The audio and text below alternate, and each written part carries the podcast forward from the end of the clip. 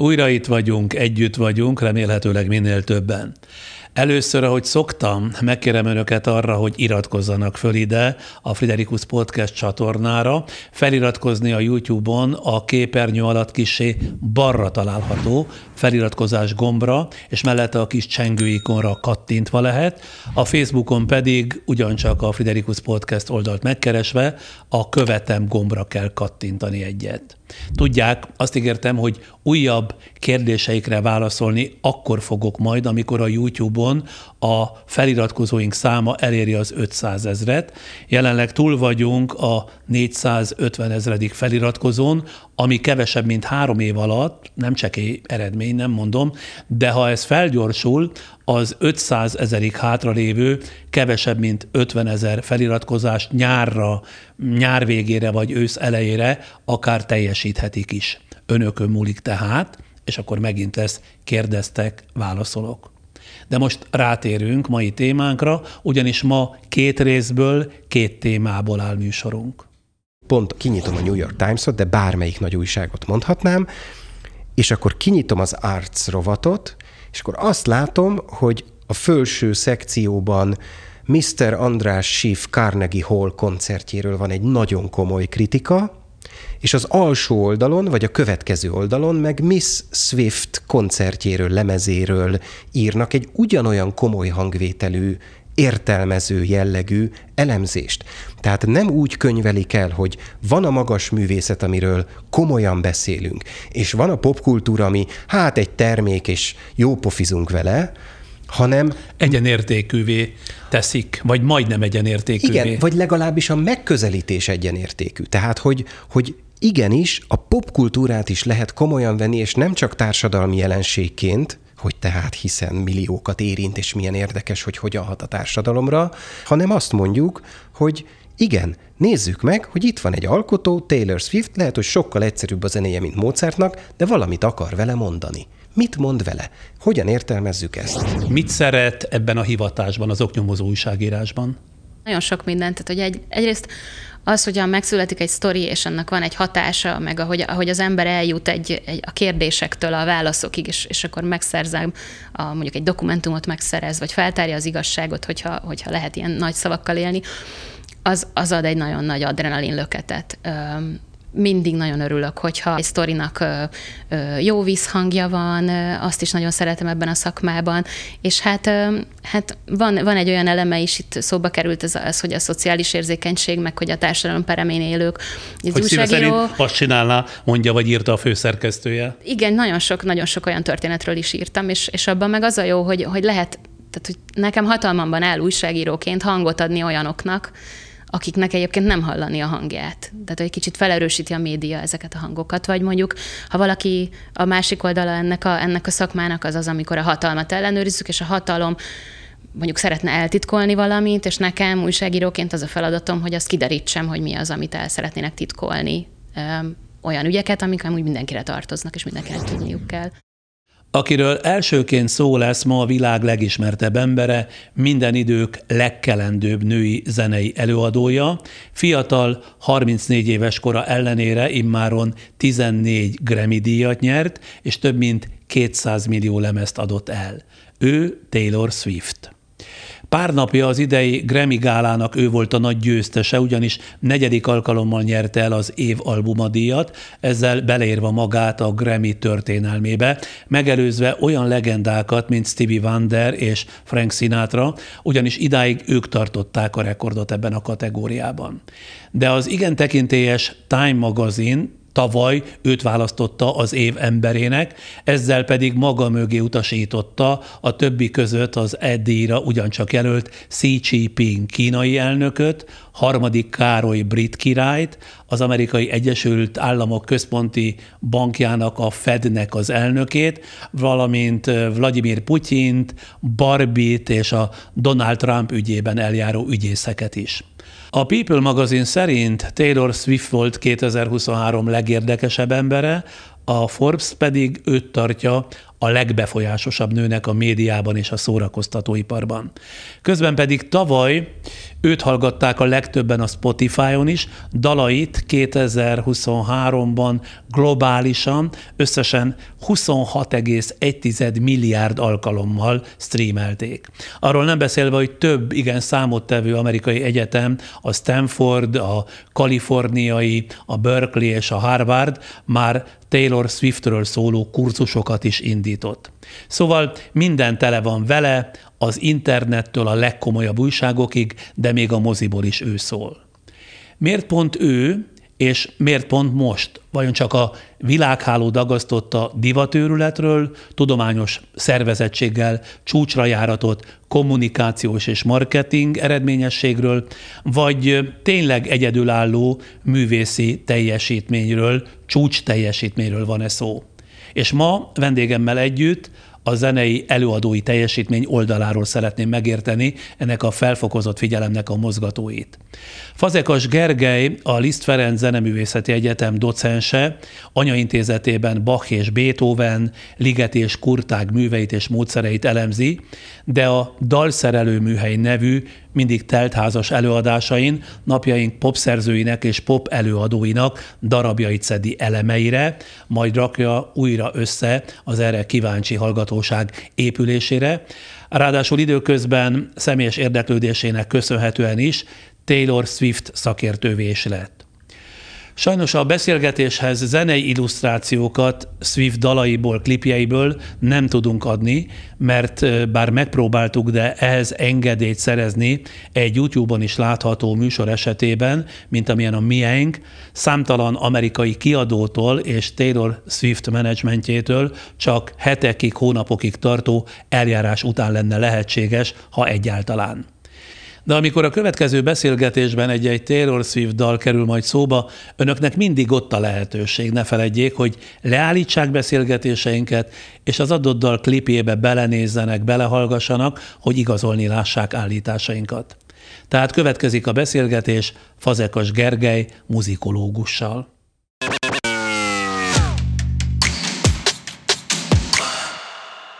Ha röviden, még itt a bevezetőben egyetlen találó szóval vagy rövid mondattal jellemezni kellene Taylor Swift szerepét és jelentőségét a világzeneiparában, hogyan fogalmazna?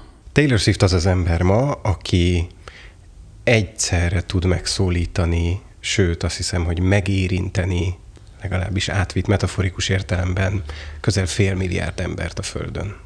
Tehát azt mondja, hogy ő ma a legnagyobb hatású zenei előadó a világon? Globálisan szerintem igen. És akkor még egy dologról hadd kérdezem így a bevezetőben, mielőtt az ön élettörténetének kivonatával megismertetem nézőinket, hallgatóinkat. Komoly zenész létére hogyan került Taylor Swift közelébe? Kamaszlányaim vannak. És ők kezdték?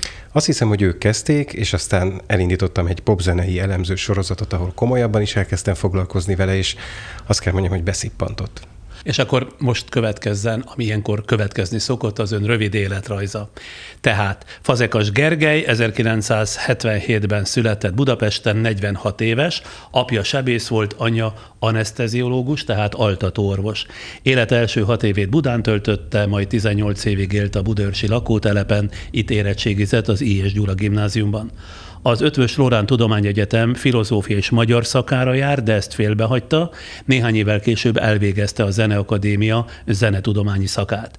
A 2001-2002-es tanévet Erasmus ösztöndíjjal a Párizsi konzervatoárban töltötte, ahol lefordította Claude Debussy, francia zeneszerző valamennyi írását és interjúját, a fordítás 2017-ben könyvalakban is megjelent. A muzikológus diploma megszerzése után elvégezte a Zeneakadémia doktori iskoláját, summa cum laude kitüntetéssel megvédett disszertációjának címe Johann Sebastian Bach és a zenei forma két kultúrája. Ezt a dolgozatát 2018-ban publikálta könyvként. Dolgozott a Bartók Rádió műsorvezetőjeként és előadójaként, jelenleg habilitált egyetemi docens a Zeneakadémián, ahol 2006 óta tanít zenetörténetet. A 2017 17-18-as tanévben Fulbright ösztöndíjjal a New York állambeli Bard College-ban tanított. Tudományos érdeklődésének homlokterében Johann Sebastian Bach és Kurták György zenéje áll. Ezzel kapcsolatos tanulmányai angol, francia és magyar nyelvű szakmai folyóiratokban jelentek meg. 2021-ben indította Dalszerelő műhely című nyilvános előadássorozatát, amelynek keretében mai popszámokat elemez. Rendszeresen publikál nagyközönségnek szóló zeneírásokat, Kurták György operájáról írott beszámolója 2018. decemberében minőségi újságírásért díjat nyert. Angolul, franciául és németül beszél, felesége egy pszichológiai rendelő vezetője, két lánya gimnazista, fia általános iskolás, hobbija az olvasás és a zongorázás. Mindent elmondtam, és jól? Igen. Na jó, akkor ha nagyot nem tévedtem, és nem maradt ki jelentősebb momentum egy sem az életrajzából, persze ennél azért sokkal többről fogunk majd beszélgetni, még pár másodpercre kérem a türelmét, mert bejelentkeznek támogatóink. A műsor támogatója a Nissan Magyarországi forgalmazója, a Grand Automotive Central Europe Kft. Kívánságok maguktól nem válnak valóra. Raiffeisen Bank. Váltsd velünk valóra. Az egyedi lakberendezési ötletek otthona a kare24.hu. Tehát ma a világ jelen időben első számú zenei sztárjáról, Taylor Swiftről beszélgetek, Fazekas Gergely zenetörténésszel, muzikológussal. A muzikológus másképpen szólva zenetudóst jelent? Igen. Mindenféle oldalról próbáljuk megérteni, meg megértetni a zenét. Ennek lehet, ez lehet a kotta, lehet a hangfelvétel, lehet a társadalmi gyakorlat. A szóval komplexen a zenével, és többnyire vagy jellemző módon a komoly zenével. Így van. Taylor Swiftre térve, induljunk a kezdetektől, azt kérem, honnan jött a hölgy, miből nőtt ki a mai, azt hiszem 270 milliós követőtábort magáinak mondható megasztár? Ő ugye Pennsylvániában született, Pennsylvania 1989-ben, és rögtön kiderült, hogy nagyon tehetséges zeneileg, és akkor a család egy ponton átköltözött Nashville-be, ami ugye az amerikai country zenének a központja. És ott ugye elkezdett dalokat írni, kiderült, hogy egy tényleg egészen kivételes tehetség, nem csak mint énekes, gitáros, hanem a dalok, amiket ő maga írt. Miből derült az ki, hogy ő kivételes tehetség? Ugye itt nyilván ez is egy fontos momentum vagy mozzanat az ő életébe, hogy őt kiszemelte egy kiadó, ráadásul hat lemezre szerződtették le rögtön, ami azért szerintem nem mindenkivel fordul elő. Én azt gondolom, hogy azért az ő dalszerzői, vagy én szeretném azt hinni, hogy a dalszerzői képessége az sokkal nagyobb szerepet játszott ebben, mint a szőke fürtjei, és az, hogy egy cuki 15 éves kislány volt hogy gyerekkorában kezdett dalokat írni, azt én is olvastam, de állítólag karaoke versenyeken is feltűnt, sőt nyert egy költészeti versenyt is. A verszím, ha jól jegyeztem meg, nem volt más, mint Szörny a gardrop szekrényemben. 14 évesen írt állítólag egy regényt is, de ezt azóta sem erőlteti kiadni, tehát valamiért nyilván ez ilyen gyerekkori kezdemény volt. Ő belül ez valahol nagyon mélyről jön, tehát hogy, hogy egy olyan ember, aki töménytelen mennyiségű dalt írt, nem csak magának, egyébként másoknak is. Ha klasszikus zenében valami hasonló van, akkor az ilyet úgy hívjuk, hogy csoda gyerek. Ő egy ilyen country csoda gyerek volt, vagy ahogy ezt ugye mondják, egy szőke, fürtös lány esetében egy country üdvöske, aki hát tényleg elképesztő számokat is kezdett produkálni. Azt azért tudni kell, hogy Ugye a country innen Kelet-Európából nézve egy nagyon réteg műfaj, de ez egy gigantikus réteg Amerikában. Valóban réteg, tehát hogy nem tudom, vannak kifejezetten country rádiók, de rengeteg country rádió van, és ez egy óriási piac. Na most még mindig csak 16 évesen, ugye már stúdióalbumot vesznek fel vele, 2008-ban pedig a következő albumával a toplisták élére kerül, és alig 19 éves, amikor világhírű.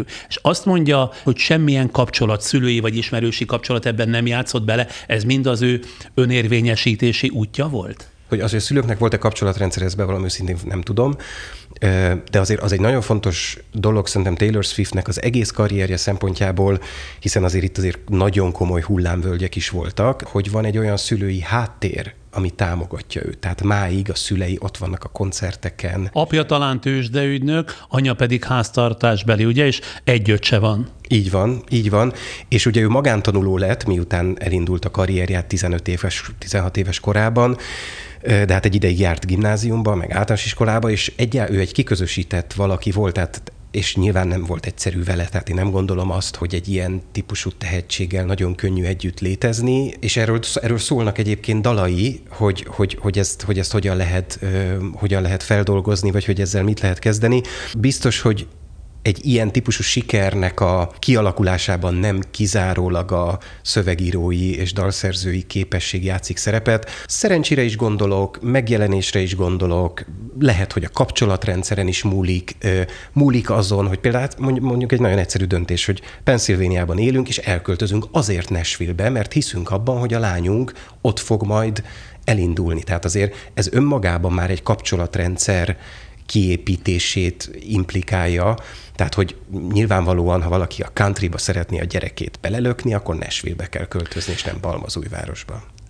Meg én azt szoktam mondani, és így is gondolom, hogy tulajdonképpen lehet az embernek kapcsolatrendszere egy darabig, az kitart egy ideig, de ha nincs mögötte tehetség, nincs mögötte szorgalom, akkor az elolvad elég gyorsan, és semmivé lesz. Tehát itt azért én is úgy gondolom, hogy Taylor Swiftben kellett lenni valami olyan többletnek, ami idáig lökte, hogy ma a világ első számú pop előadója mindenképpen ő.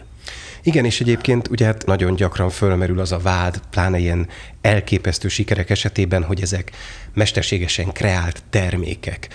És nyilvánvalóan a popzene egy termék, nagyon halkan mondom, hogy a klasszikus zene is egy termék egyébként, és a klasszikus zenében is van olyan, amikor egy zeneszerző, hát különösen régebbi korokban nagyon erősen tekintetbe veszi, hogy a közönség mit vár tőle, tehát nem tudom, a Mozart az pontosan tudta, hogy, hogy a párizsi közönségnek más típusú szimfóniát kell írni, mint a bécsi közönségnek.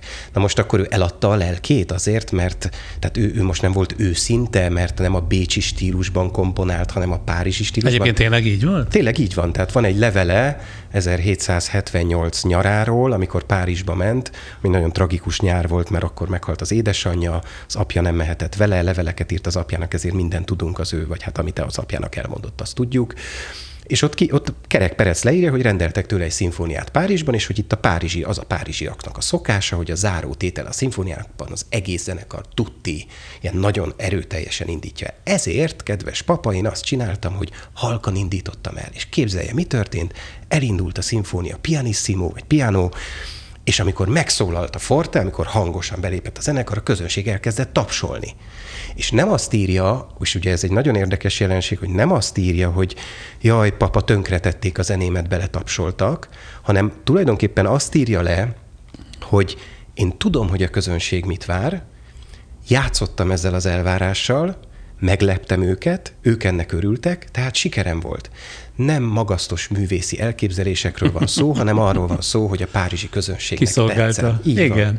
Na most visszatérve eh, Taylor Swift zenére, zenei stílusára, ugye a countrytól és a könnyed poptól, az indie folkon, ahogy mondják, vagy elektropopon, hip-hopon át egészen az alternatív rock világáig terjed. Taylor Swift eh, zeneisége mennyire összegzése mindannak, amit a populáris zenei műfajok leginkább az elmúlt évtizedekben már kitaláltak? Szerintem teljes mértékben.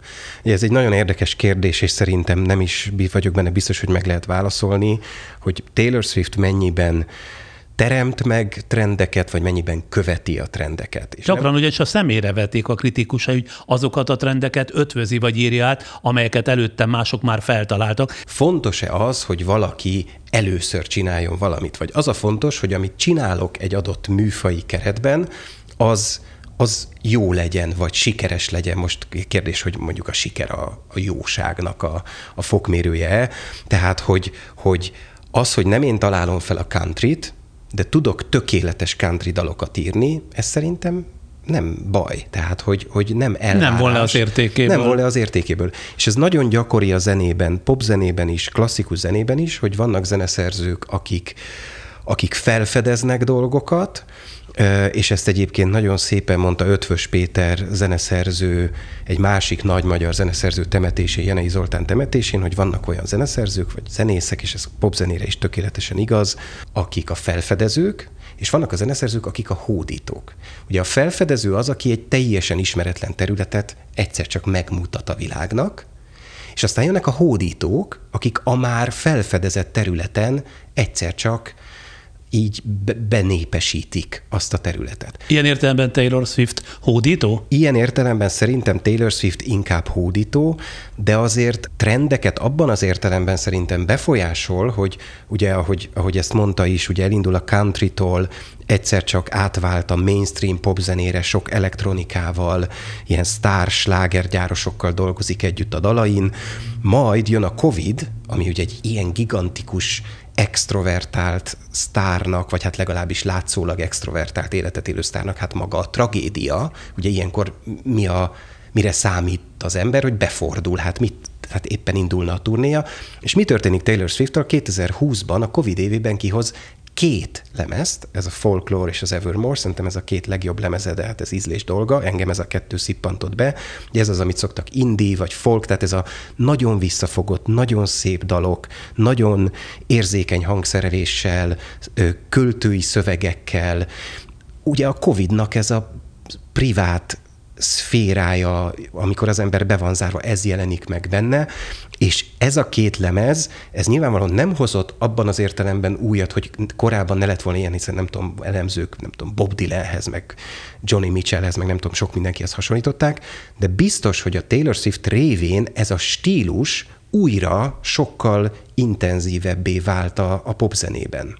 És az miért gyakori kritika tárgya, hogy nem is ő írja a dalait, miközben azt azért tudni lehet, hogy a számokat, legalábbis ami az alapjukat illeti, az alapötleteket gitáron zongorázva, ő írja, és aztán természetesen besegítenek neki mások is.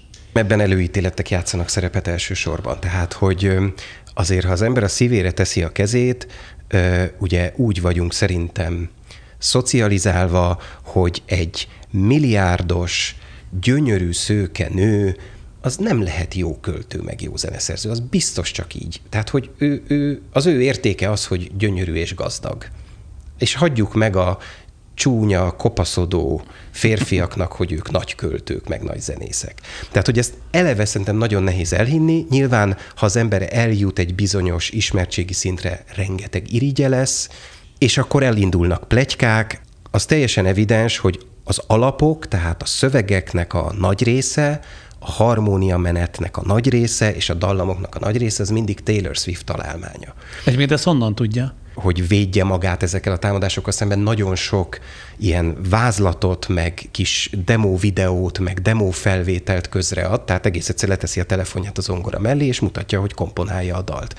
Az elég egyértelmű, hogy itt tényleg egy alkotó emberről van szó. Ugye mindig van egy producertársa, olykor több producerrel is dolgozik együtt, akik egyébként maguk is nyilván zenészek, meg zeneszerzők, meg szövegírók olykor, és akkor mondjuk van ez a Miss Americana című 2020-as dokumentumfilm, ahol több részletet is lehet látni, ugye a most nyert Grammy díjat, azt hiszem talán harmadszor, mint az év producere Jack Antonoff, aki egy fantasztikus zenész, Lana Del Rey-jel, meg nagyon sok más zenésszel is dolgozik, mint producer, meg van egy remek saját zenekar, a Bleachers, és, és ott lehet látni, hogy hogy írja a számot, hogy jön a Taylor Swift, és mutatja, hogy ezek az akkor. És akkor azt mondja a Jack Antonoff, hogy te figyelj, ide, ide még kéne egy rész, és mi lenne, ha az le, a szöveg úgy lenne, hogy, és elkezd gondolni. És akkor Taylor Swift tehát ez a Jack Antonoff szikrája belobbantja Taylor Swift agyát, és mondja, hogy igen, akkor itt legyen az, hogy de várjál, és akkor csináljuk úgy, és egyszer csak. Ez az alkotói folyamatból mutatnak részleteket, mutatnak és ez hitelesíti. És ez hitelesíti, mert látszik, hogy ez nem egy megcsinált dolog, és látszik, hogy teljesen releváns, tehát nem arról van szó, hogy Taylor Swift betanulta, hogy hogyan kell viselkedni egy dalszerzői folyamat közben,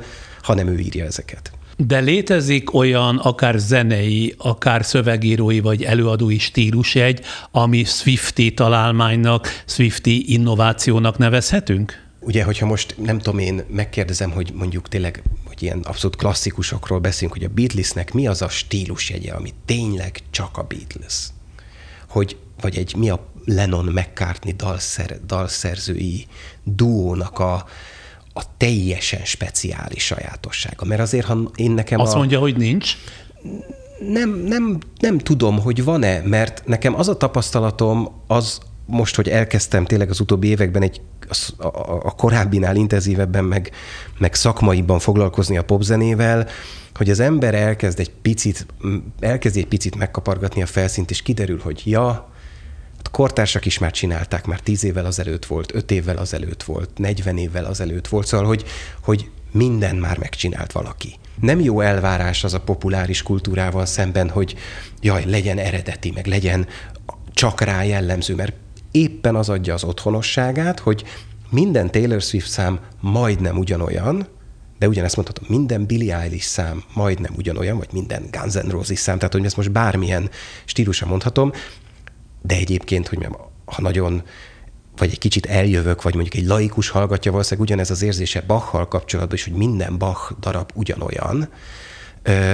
De ha közel megyek, akkor azért, és ugye egy rajongó az nagyon közel van, mert neki az összes számot kattog a fejbe, akkor megtalálja mindig azt a pici különbséget, amitől más lesz. És ha már erről beszélünk, igaz az, hogy 14 és 34 éves korak között nem kevesebb, mint 243 számot írt. Hát ez iszonyatos termékenységre utal.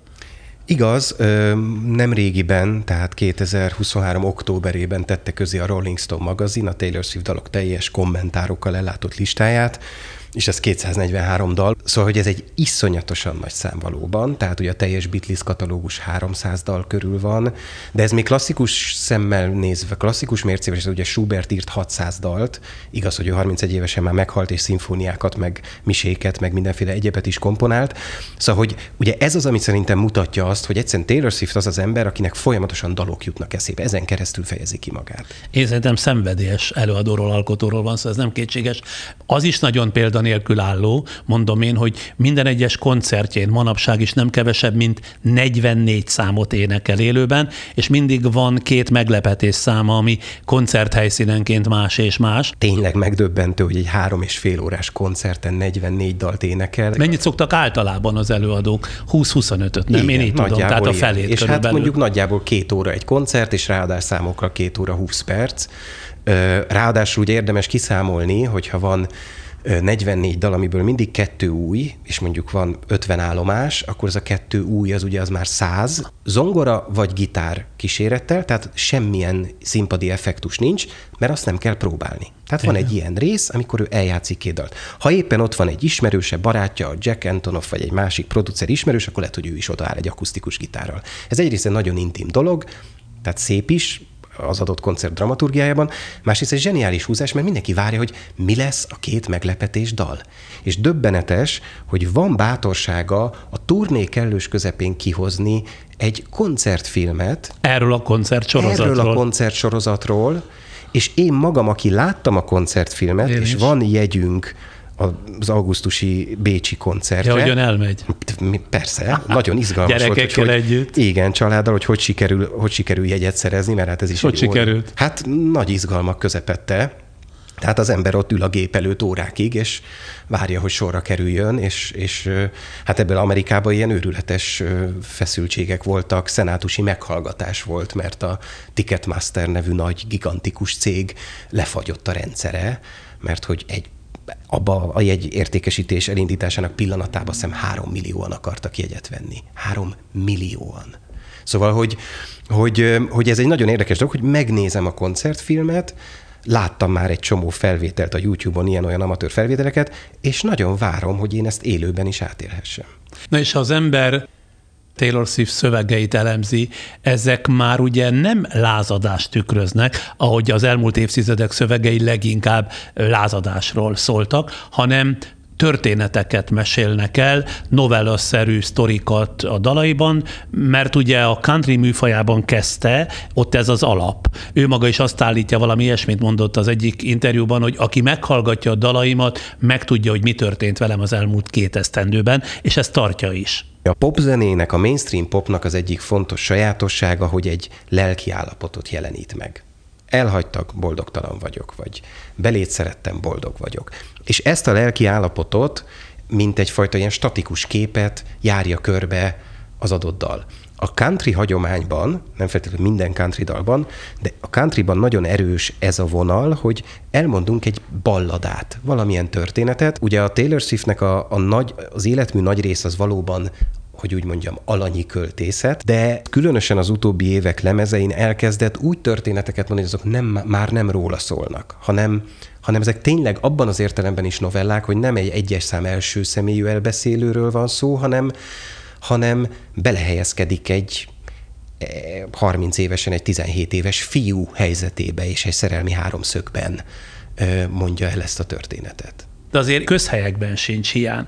Our Song című dalában például az elbeszélő arról panaszkodik, hogy neki és kedvesének nincs saját dala, mire a fiú így válaszol, a mi dalunk a becsapódó teraszajtó, az éjszakai kiosonás, a kocogás az ablakodon, amikor telefonálunk, és te lassan beszélsz, mert késő van, és anyukád nem tud semmit. Az az önfordítása, tehát ilyen értelemben hiteles. Na most azért ez önmagában véve hát olyan nagyon nem arról győződnek, hogy hú, milyen eredeti szöveg Igen, ez. ez azt hagyd tegyem hozzá, hogy és, és ugye én fordítottam le, tehát ez önkritika, ugye nincs kínosabb dolog, mint angol nyelvű popszámokat magyarul, eh, magyarra lefordítani. Tehát, tehát azt hogy... állítja, hogy az eredeti jobb, mint az önfordítása?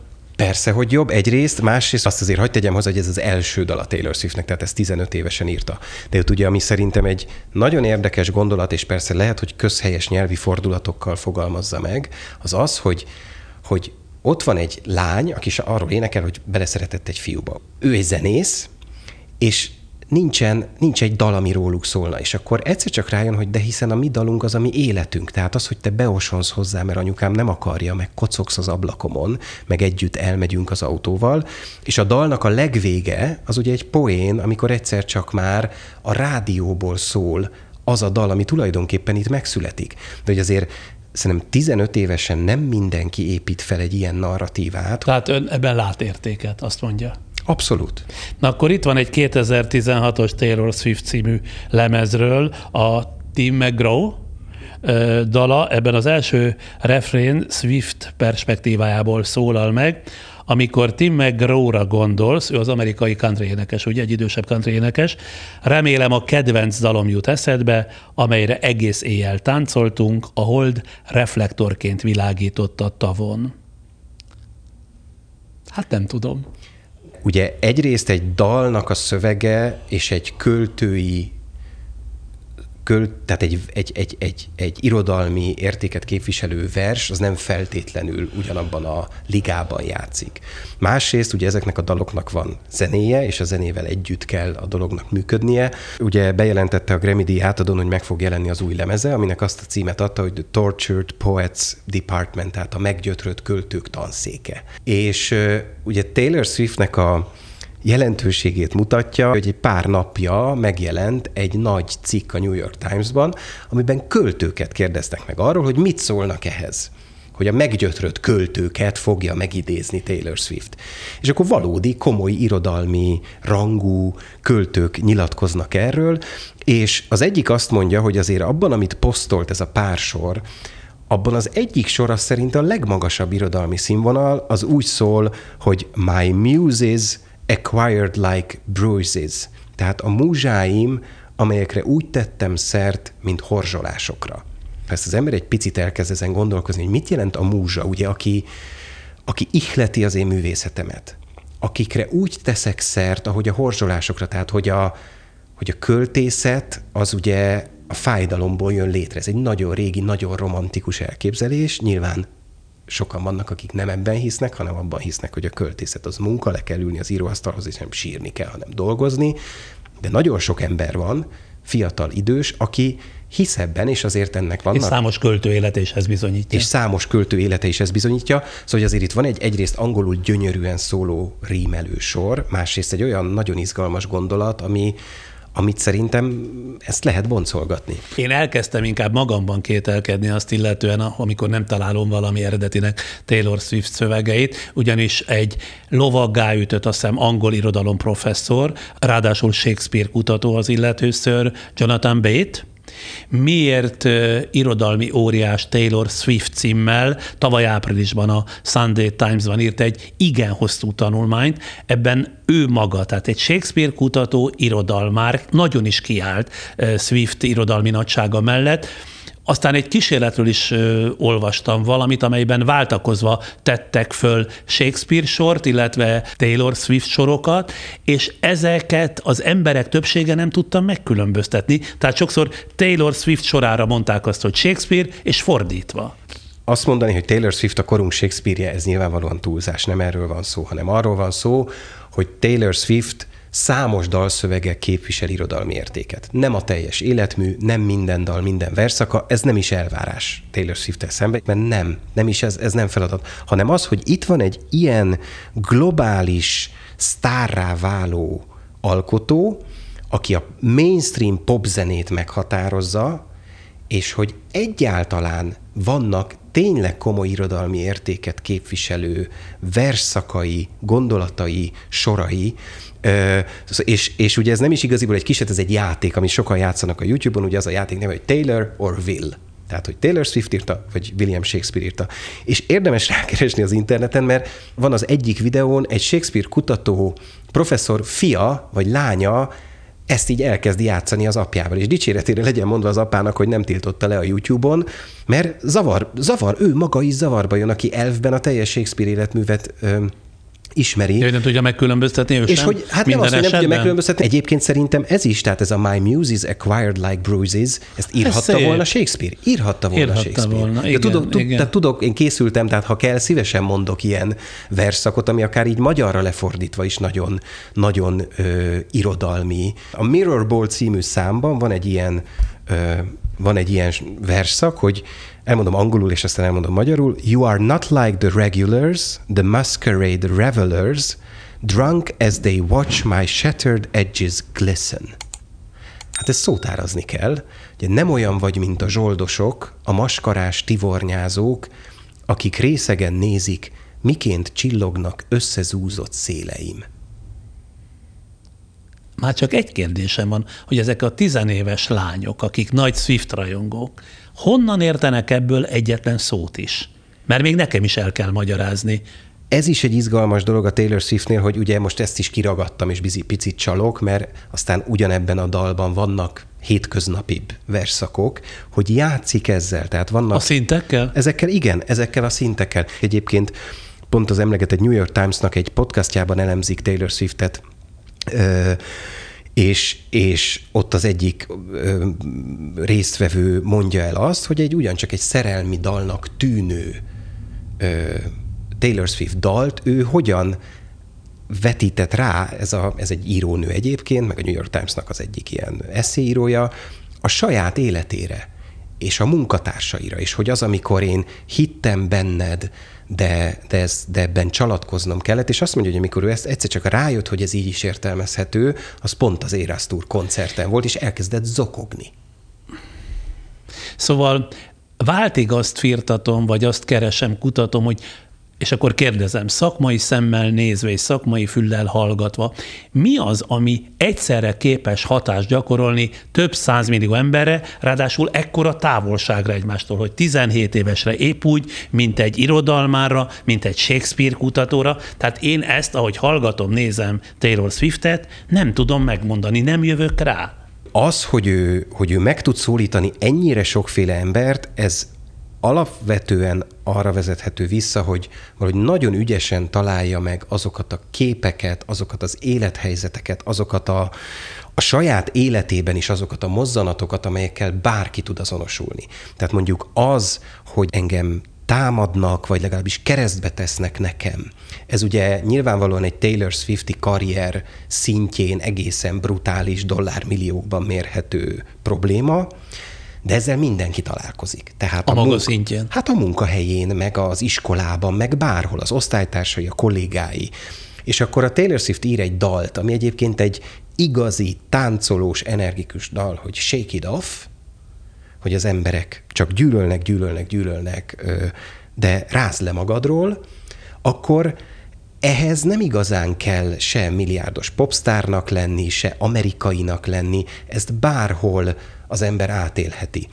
De ezek a zenék, ezek a dalok nem léteznek önmagukban. Tehát nem lehet kivonni mögülük ezt a figurát, ezt a nőt, akihez én Ezt viszonyom. a nőt és az ő életét? És, azt, és az ő életét, és az én viszonyomat az ő eddigi lemezeihez, és, a, és a, az, hogy mi a barátainkkal, barátnőinkkel, tini lányok, vagy már ex-tini lányok, akik már felnőttek vagyunk, de valaha Taylor Swiften szocializálódtunk, milyen emlékek fűznek ehhez, de hogy tehát, hogy, hogy ezt ugye valamiért hajlamosak vagyunk, ez szerintem egy ilyen európai magas művészetre, vagy erre az ilyen elit kultúrára jellemző hozzáállás, hogy, hogy műalkotások léteznek valamiféle vegytiszta közegben. És meg lehet mondani, hogy az jó vagy nem jó. Én ebben egyáltalán nem hiszek. Erre van egy nagyon kedves anekdotám, ami létezik Michelangelo-val is, meg Raffaello-val is, hogy megkérdezik mondjuk Michelangelo-t, hogy megkérik, hogy elkészült egy freskó egy szomszéd templomban, és jöjjön át, nézze meg, hogy mondja meg, hogy jó vagy nem jó. És kérdezi, jó, jó, majd átmegyek, de hogy ki készítette. És meg nem mondjuk el, mert az az érdekes, hogy jó vagy nem jó. Mert azt mondja, hogy nem tudom megmondani, hogy jó vagy nem jó, ha nem tudom, hogy ki készítette. Tehát, hogy, hmm. hogy, hogy ez egyszerűen elválaszthatatlan tőle. De ugyanez igaz a, ugye itt szóba került a bevezetőben Kurták György, tehát, hogy Kurták Györgynek is vannak olyan zenéi, és ez saját tapasztalat, amikor Amerikában tanítottam, és ott szóba került, és mutattam zenét, és értetlenül állt valaki azelőtt, hogy ezt hogy lehet nagy zenének nevezni, mert három hang az egész. Ez, ez mi? Ugye ő nem ismerte Kurtákot egyáltalán, tehát ahhoz, hogy hogy, hogy véleményt alkossak valamiről, szerintem meg kell ismerni azt a dolgot. Tehát, hogy ugye ez a mai korban sajnos ez, egy, ez a tényleg Facebook, meg mindenféle internetes felületnek szerintem az egyik legnagyobb negatív hozadéka, hogy iszonyatosan könnyű megosztani a véleményünket bárkivel, bármiről, és hihet, tehát a felületességnek szerintem soha korábban nem ismert szintjein alkotnak véleményt emberek. Akkor még mindig Taylor Swiftről érdeklődünk. Mindaz, amit ő csinál, szövegírás, dalszerzés, tehát dallamszerzés, egyáltalán a körülötte lévő hype, ez mennyire ösztönből születik, vagy mennyire tudatos alkotó, illetve előadó ő? Ez a tudatosság, ösztönösség, ez egy spektrum. Tehát nem az van, hogy valaki száz tudatos, vagy száz ösztönös, hanem bizonyos alkotásokban, helyzetekben vannak döntései, amik a tudatossághoz közelebb vannak, és vannak, amik az ösztönösséghez közelebb. És valószínűleg ez az életpályájára is igaz, tehát, hogy fiatalon nyilvánvalóan egy csomó minden sokkal inkább ösztönből jön, mint tíz album után ilyen tapasztalattal, ennyi koncertturné, ennyi dal megírása után. De az evidens, hogy miközben nagyon sok mindent tudatosan csinál, éppen ezek a videók, ahol lehet látni, hogy hogyan alkot, ott látszik, hogy egy csomó minden teljesen spontán, de biztos vagyok benne, hogy azért, ha az ember ír 243 dalt és nyer négy Grammy díjat, akkor már azért elég pontosan tudja, hogy mi működik, mi nem működik, Öm, és, és nyilvánvalóan ezt a tudást, ezt, ezt használni fogja. Ott van minden idők egyik legnagyobb reppere, Eminem. Ugye egy fehér rapper egy fekete műfajban, akiről lehet tudni, hogy ő, ő tudatosan olvasgatja a szótárakat. Ugye angol-angol szótárakat keresi. Fantasztikus szókincse is van, azt kell, hogy mondjam. Hihetetlen szókincse van, hihetetlenül használja a nyelvet, de ő tudatosan keresi a rímeket, keresi az asszociációkat, és nagyon sok fekete repperőt leszólja ezért, mert azt gondolják, hogy ez a fajta tudatosság, ez, ez hát ez, ez bizony szembe megy a rep hagyományjal, ami egy ilyen ösztönös, mondjuk, ami eszünkbe jut típusú dolog. Tulajdonképpen a popzene bizonyos értelemben, és ez most nyilván félreérthető, amit mondok, tehát inkább metaforikusan értendő, tudományá vált.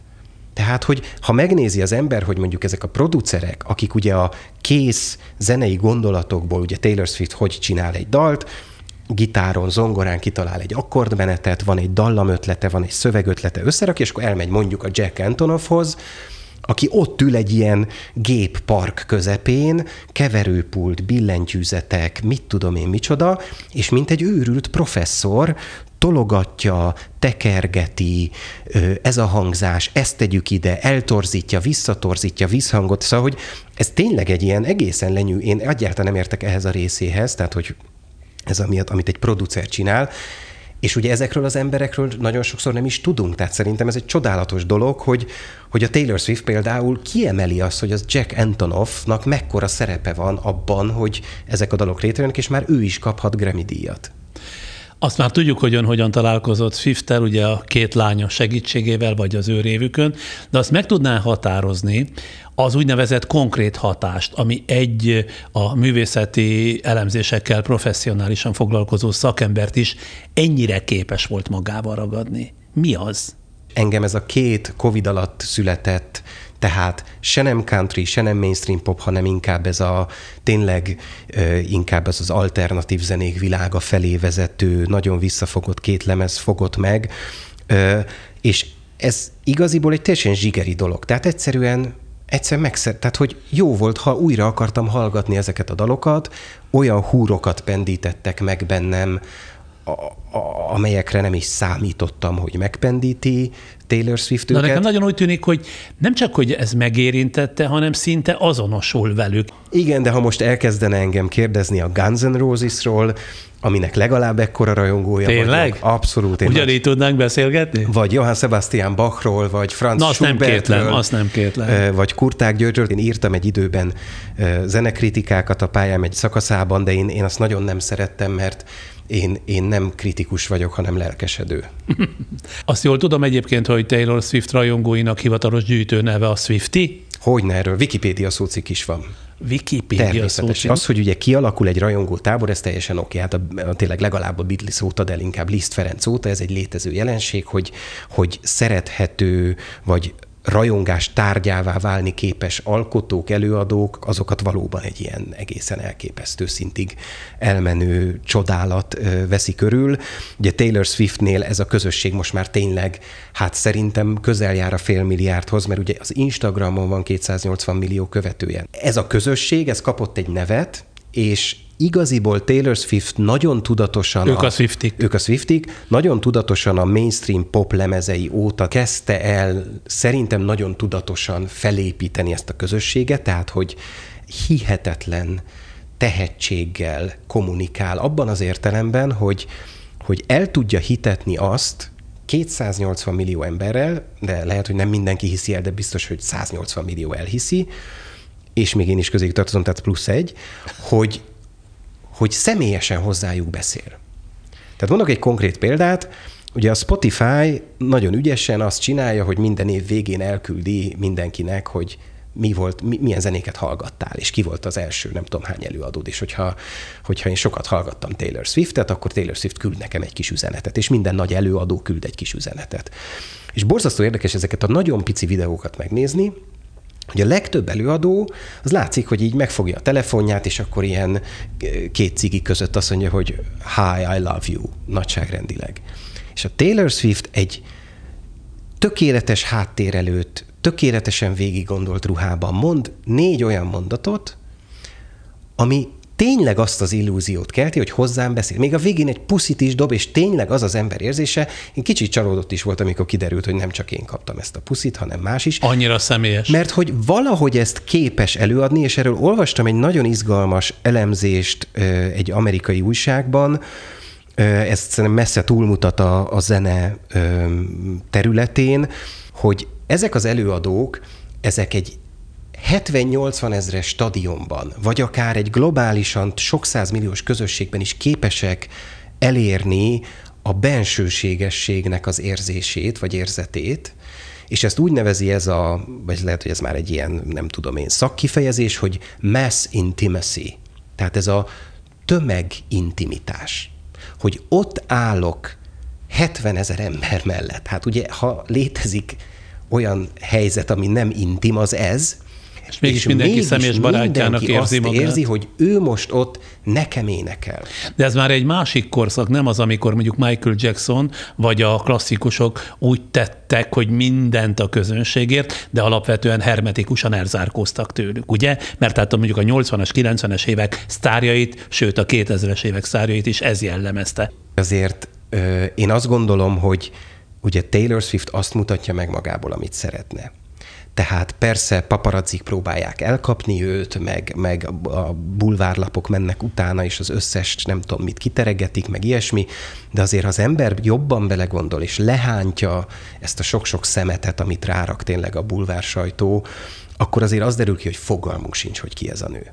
Az a Taylor Swift, aki üzen nekünk a Spotify-on közzétett videóban, vagy az Instagramon, vagy kiáll a koncerten a színpadra, az nem ugyanaz a Taylor Swift, aki otthon aztán reggel palacsintát süt, és a macskáját eteti, és egyébként meg nem tudom én, az anyukájával kávézik. Mert biztos, hogy ilyeneket is csinál. De ugyanakkor az, hogy valaki mint ő. Néhány rajongóját valamelyik lemeze publikálás előtt, ha jól emlékszem, meghívta a saját házába, hogy nekik személyesen mutassa meg ezt az albumát, vagy barátság karkötőkkel azokat gyártva köti össze a rajongóit, és úgy tudom, hogy a barátság karkötő ma már vállalkozások tömegét indította be. Millió dolláros Ugye? lett, így van. Na most ezért kérdezem, hogy igaza van-e a 444.hu cikkírójának, Száz Zsófinak, aki azt állítja írásában, hogy Swift kiváló történetmesélő, aki hihetően építi fel a saját narratíváját, és nem szégyeli közzétenni az élete nehézségeit,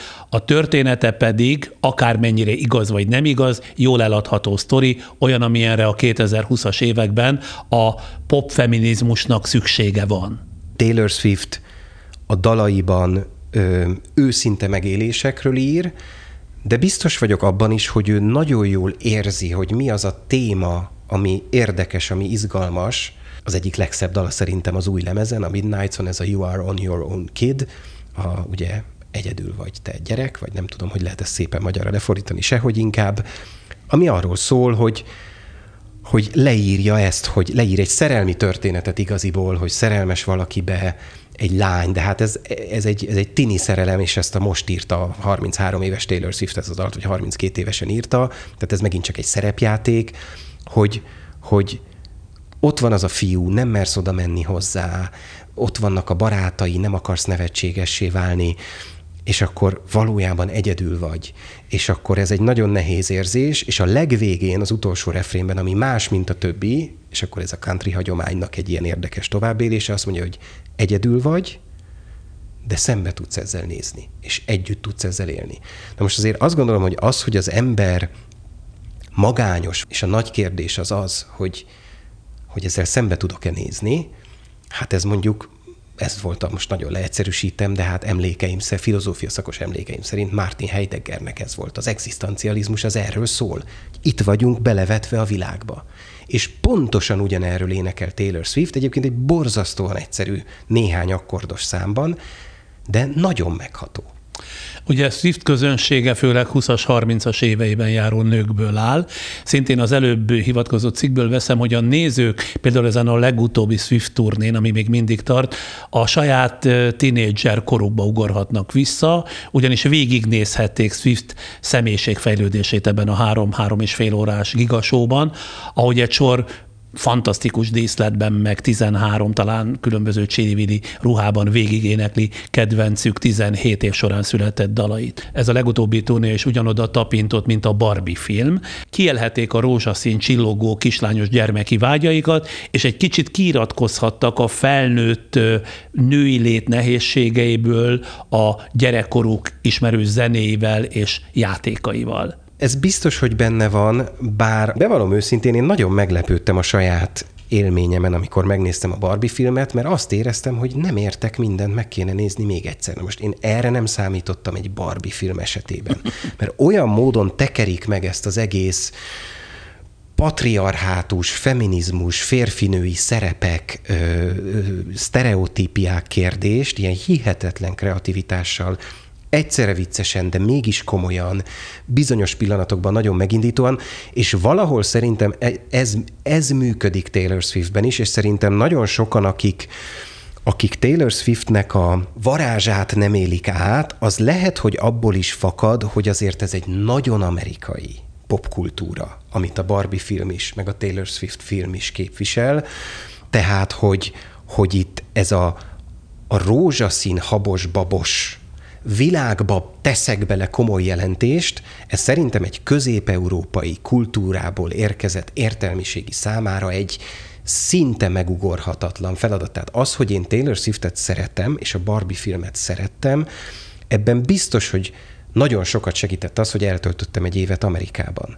És, és egyszerűen látom, hogy ott hogy működik a világ. Tehát, hogy ott például az ember mondjuk pont kinyitom a New York Times-ot, de bármelyik nagy újságot mondhatnám, és akkor kinyitom az Arts rovatot, és akkor azt látom, hogy a felső szekcióban Mr. András Schiff Carnegie Hall koncertjéről van egy nagyon komoly kritika, és az alsó oldalon, vagy a következő oldalon meg Miss Swift koncertjéről, lemezéről írnak egy ugyanolyan komoly hangvételű értelmező jellegű elemzést. Tehát nem úgy könyvelik el, hogy van a magas művészet, amiről komolyan beszélünk, és van a popkultúra, ami hát egy termék, és jó pofizunk vele, hanem egyenértékűvé teszik, vagy majdnem egyenértékűvé. Igen, vagy legalábbis a megközelítés egyenértékű. Tehát, hogy, hogy igenis a popkultúrát is lehet komolyan venni, és nem csak társadalmi jelenségként, hogy tehát hiszen milliókat érint, és milyen érdekes, hogy hogyan hat a társadalomra, hanem azt mondjuk, hogy igen, nézzük meg, hogy itt van egy alkotó, Taylor Swift, lehet, hogy sokkal egyszerűbb a zenéje, mint Mozartnak, de valamit akar vele mondani. Mit mond vele? Hogyan értelmezzük ezt? És például nincs az a véleménye önnek, hogy kicsit, mintha túlzottan is kiszolgálna a közönségét, amikor például az Antihíró talán című szám videoklipjéből kivágatta a kövér szót, mivel sokan tiltakoztak emiatt, Swift azonnal alkalmazkodott ugye ez, és egy új klippet forgatott, pénz nem számít alapon, és ebből az új változatból már kihagyták a kövér szót, viszont a korrekció nagyon is bejött neki, ahogy olvastam.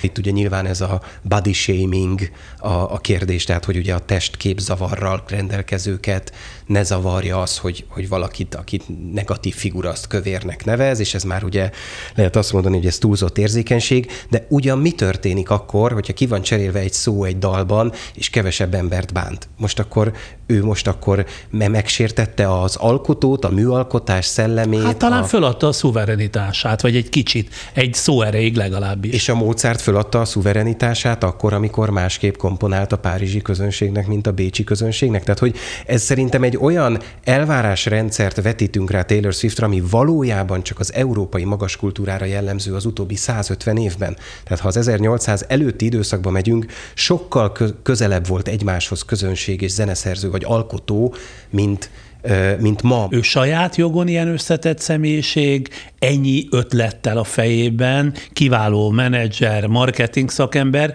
vagy ennyi dollármillióból, amennyivel ő rendelkezik, minden részletkérdésnek van tudományos szakértője, illetve van egy szakértő kollektívája, aki ezeket a részleteket ilyen alapossággal ki tudja dolgozni, mint az előző példákban is illusztrálta.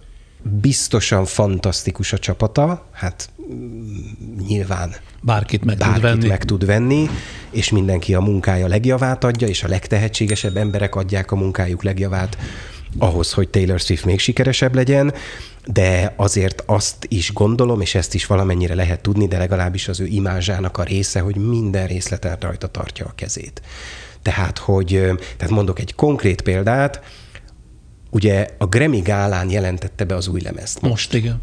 Ugye neki éppen most zajlik a turnéja a távol-keleten, és azt nyilatkozta, hogy mivel nem tudta, hogy nyere a lemeze, ezért ő úgy készült, hogy bejelen, ha nyer, akkor bejelenti. Ha nem nyer, akkor a tókiói koncerte jelenti be pár nappal később, de nyert. És ezért azt mondta, hogy, hogy nagyon köszönöm a díjat, bla bla bla, és hadd mondjak el egy titkot, amit nagyon mm, régóta őrzök magamban, kijön egy új lemez április 19-én, és most, ha lemegyek a színpadról, kiposztolom a borítót. Na most ugye ezt nem tudjuk eldönteni, hogy tényleg ő posztolta ki, ki a borítót. Nagyon ügyes, mert hát végül is felhasználta a saját reklám céljaira a sok millió Igen, nézőt. de ugye ebben szerintem ami még nagyon érdekes, hogy elhiszi az ember, hogy tényleg Taylor Swift saját kezüleg fogja kiposztolni, mikor lemegy. Ezt nem tudjuk. Kizárt szinte hiszen de... leült utána a közönség sorába, és együtt élvezte a gála, a diátadó. Igen, most nem néztem meg, mivel nem vagyok föl az Instagramon, nem tudom leellenőrizni, hogy mikor került ki, és lehetette, hogy a színfalak mögött ez biztos, hogy a Swift az közösség. Kér, az kétségtelen, hogy piszkálta a telefonját, tehát úgy tett, mint aki posztol, Igen. hát azért ebben én nem hiszek Igen, ezekben de hogy, a de hogy szerintem ebben pont ez az érdekes, hogy ezek azok az apró gesztusok, ami miatt azt érezzük, hogy ő pont ugyanolyan lány, mint az összes többi Swifty, aki, amikor történik egy érdekes, kiposztolja maga. És vajon ő vállalt szerepet a politikában, vagy a népszerűségével magyarázható, hogy belehúzták őt a politikába? Mert hogy a köré az új jobboldali all rights körök pár éve ilyen kultuszféleséget építettek, ha jól emlékszem, nagy fehér popistennőnek kiáltották ki, és néhány éve még nagyon hangos, mára már kicsi elcsendesedett ilyen alright mozgalom, amely elutasítja a bevándorlást, a multikulturalizmust, politikai korrektséget, ugyanakkor ö, szélsőséges eszméket is terjesztenek, például a fehér felsőbbrendűségről. Most ezek a csoportok megtalálták maguknak ugye Taylor Swiftet, és orrájtos üzenőfalakon terjedtek olyan tartalmak, hogy Swift egy árja istennő, a fehér európai nép náci avatarja, sőt, ugye mára már megszűnt az a Facebook csoport, amely Taylor Swift a fasiszta Európáért nevet kapta. Ugyanakkor Swift ezt undorítónak, illetve visszataszítónak minősítette, ezt a felsőbbrendűségű fehér tan, soha nem is állt kapcsolatban ezekkel a csoportokkal, de ezzelőtt már is belehúzták a politikába, igen jelentősen. Ez is együtt jár az ő nagyságával? Hosszú ideig semmilyen véleményt nem mondott a politikáról, mert egyszer csak előjött, hogy a demo, egy demokrata kormányzót támogat, meg Joe Biden támogatta legutóbb, és mivel tényleg ugye nagyon hűséges az ő követő tábora, ugye Amerikában a szavazás úgy működik, hogy regisztrálni kell, tehát nem az szavaz, aki regisztrál. És akkor ő kitette, hogy regisztráljatok, nem mondta, hogy kire szavazatok, akkor 35 ezer fiatal egyszer csak regisztrált, ami szóval nem egy annyira nagy szám, de ennyien nem szoktak hirtelen új szavazóként felbukkanni.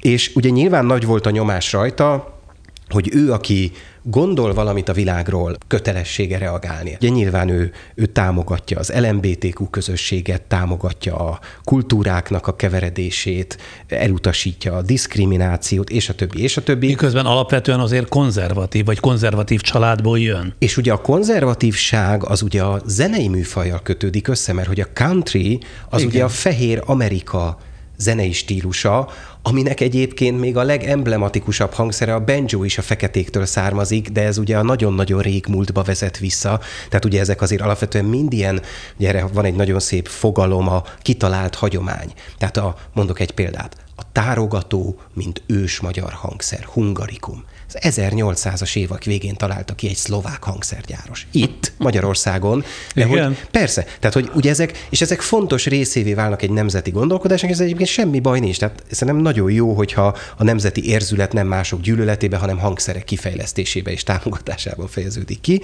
De hogy Taylor Swift a country hagyomány miatt ehhez a közeghez tartozott.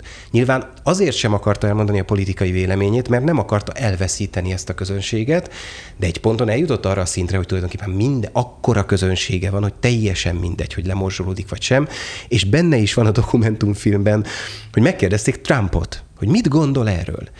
És Trump nem azt mondja, pedig hát azért ismerjük az ő reakcióját azokkal szemben, akik egyszer csak kihátrálnak mögüle, és ugye mindenki, aki nincs ellene, az vele van. Erre nem azt mondta, hogy hát Taylor Swift egy rettenetes alak, hanem azt válaszolta, egy hihetetlen vicces mondatot mondott, hogy most már 25%-kal kevesebb, kevésbé szeretem Taylor Swiftet.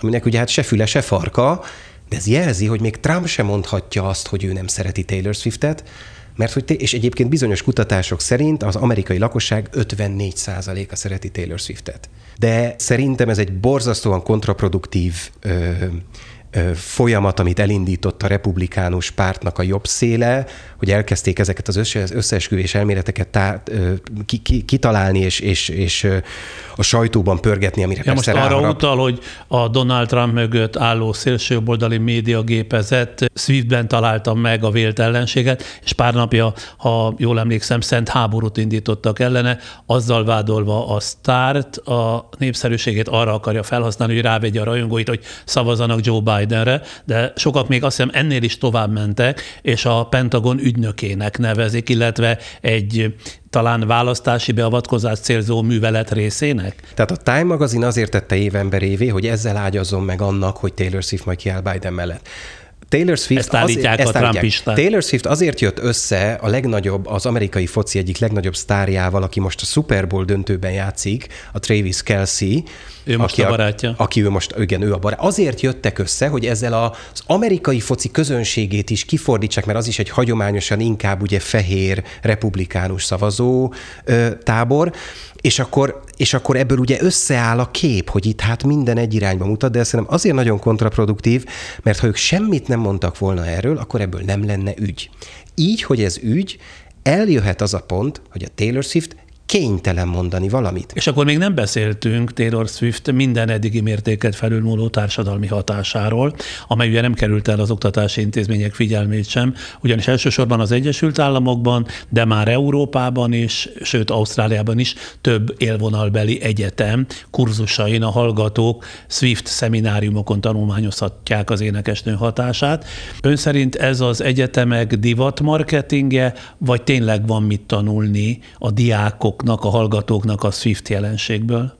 Nekem az volt a tapasztalatom Amerikában, és azért azt lehet mondani, hogy a világ szerintem e felé megy, hogy az oktatás az nem adatok bebiflázásából és visszaböfögéséből áll, hanem, hanem gondolkodást tanítunk, és jelenségeket akarunk megérteni, és ugye akkor, amikor egy mobiltelefonban, a zsebemben ott van minden adat, akkor tényleg fölmerül az emberben a kérdés, hogy mennyire fontos adatokat megtanulni. Ha viszont jelenségekről tanulunk, meg gondolatokat akarunk átadni, akkor tényleg fölmerül a kérdés, hogy ezt miért ne lehetne Taylor Swift életművén keresztül bemutatni. Ugye ezek a kurzusok a Harvardon, meg a Stanfordon, meg mindenhol máshol, ezek ugye mind nagyon különböző oldalról, tehát van, ahol irodalmi kurzus tartanak, ahol Taylor Swift dalszövegeket és magas, költ, magas irodalomba tartozó költőknek a szövegeit elemzik egymás mellett. És ez szerintem egy borzasztó izgalmas dolog, mert a diákok, akik bejönnek, és Taylor Swift rajongók, azok egyszer csak ezeken a szövegeken keresztül, meg a hozzájuk párosított irodalmi szövegeken keresztül nagyon sok fontos jelenséggel megismerkednek. Nem, nem az a cél, hogy, hogy tudjam fejből a Goethe életművet, hanem az, hogy tudjam értelmezni a Goethe életművet. És ha tudok értelmezni egy Taylor Swift dalt, akkor egyel közelebb kerül, nem azt mondom, hogy akkor már Goethe-t is értem, de egyel közelebb kerültem, mint hogyha ezt sem tudom értelmezni. És akkor lehet persze Taylor Swiftnek a társadalmi, gazdasági, mindenféle hatásáról beszélni, és egyébként meg a zenéjéről is lehetne egyetemi kurzus tartani. De ugyanez Bachnál is fölmerül, tehát én nem azért tanítom Bach zenéjét, hogy az egy nagyon jó mellékterméke a zenetörténet tanításnak, hogy megismernek sok Bach művet, hanem hogy megismerjenek kompozíciós gondolkozás módokat mondjuk zenetörténész hallgatók, hogy képesek legyenek értelmezni zenéket, vagy hangszeres hallgatók. Na, hát jól kibeszéltük Taylor Swiftet, de nincs itt még vége, van még témánk bőven ezen túl is. Pár másodperc szünetet tartunk támogatóink kedvéért, de körülbelül fél perc múlva már folytatjuk is. Váltsd a családi álmokat, a saját utadat és a szenvedélyedet valóra. Raiffeisen Bank. Váltsd velünk valóra!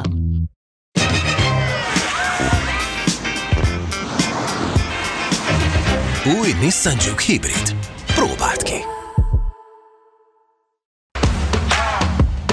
Care Design.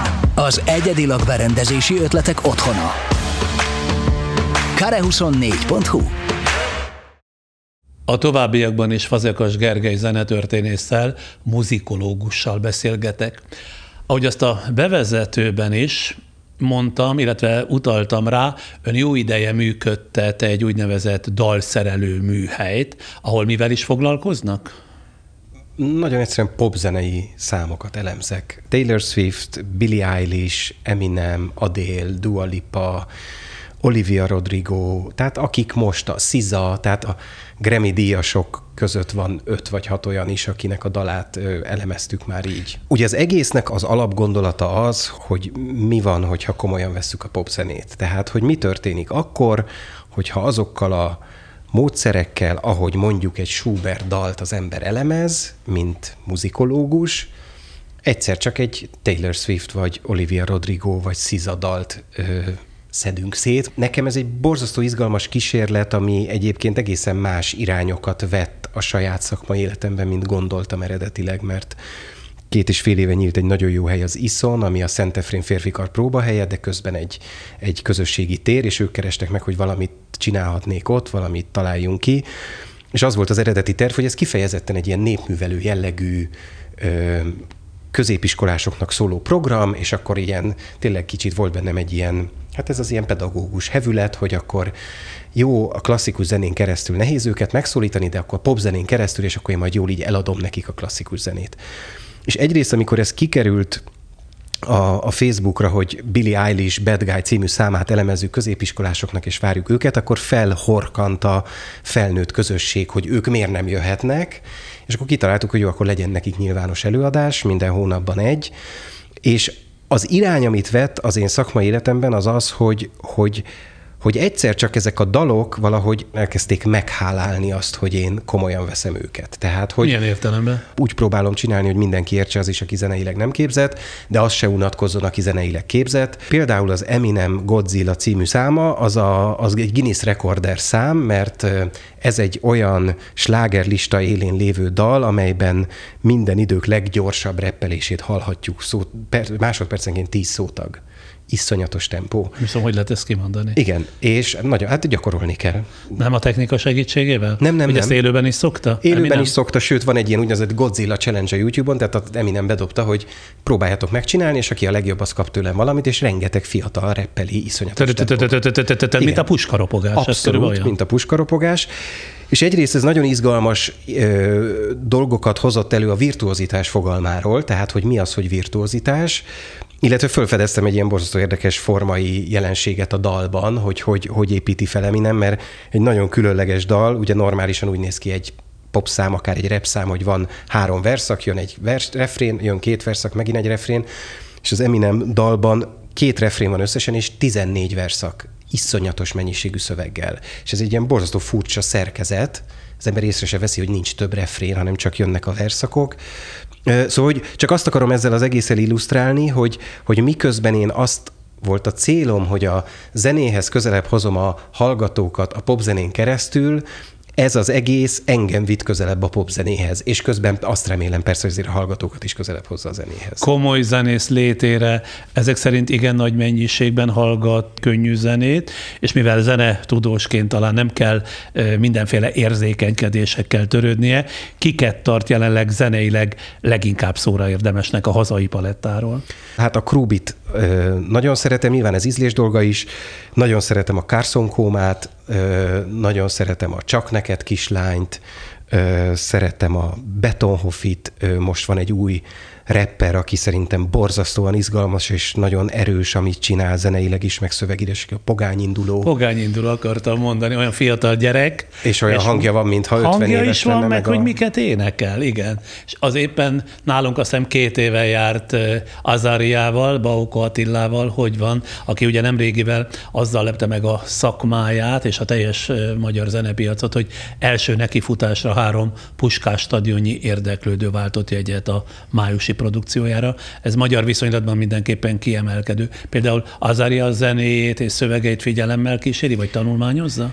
Én kicsit úgy vagyok vele, ahogy ön van, vagy volt a Taylor swift hogy dolgozom rajta. Tehát engem nem fogott meg, és, és ezen sokat gondolkoztam, meg olvastam is róla nagyon izgalmas értelmező cikkeket, tehát próbálom megérteni, hogy mi ez a jelenség, és hogy, és hogy engem miért nem érint meg. Szóval, Azaria minden, ami popzene, mármint populáris zene. Tehát, hogy a, a legmenőbb mai trap stílustól a mulatósig, meg Soltész Rezsőig.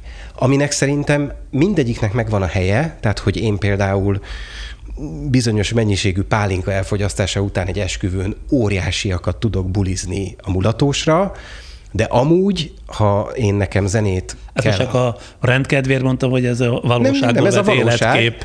Valóság, Igen? hogy egy vidéki esküvőn, nem is kell vidéki esküvő, egy esküvőn tényleg bizonyos mennyiségű pálinka után szerintem ez, ez egy tökéletesen működik. Előveszi ennek, a mulatós ényét. Hát, hogy ennek van egy funkciója, meg egy helye. Uh-huh.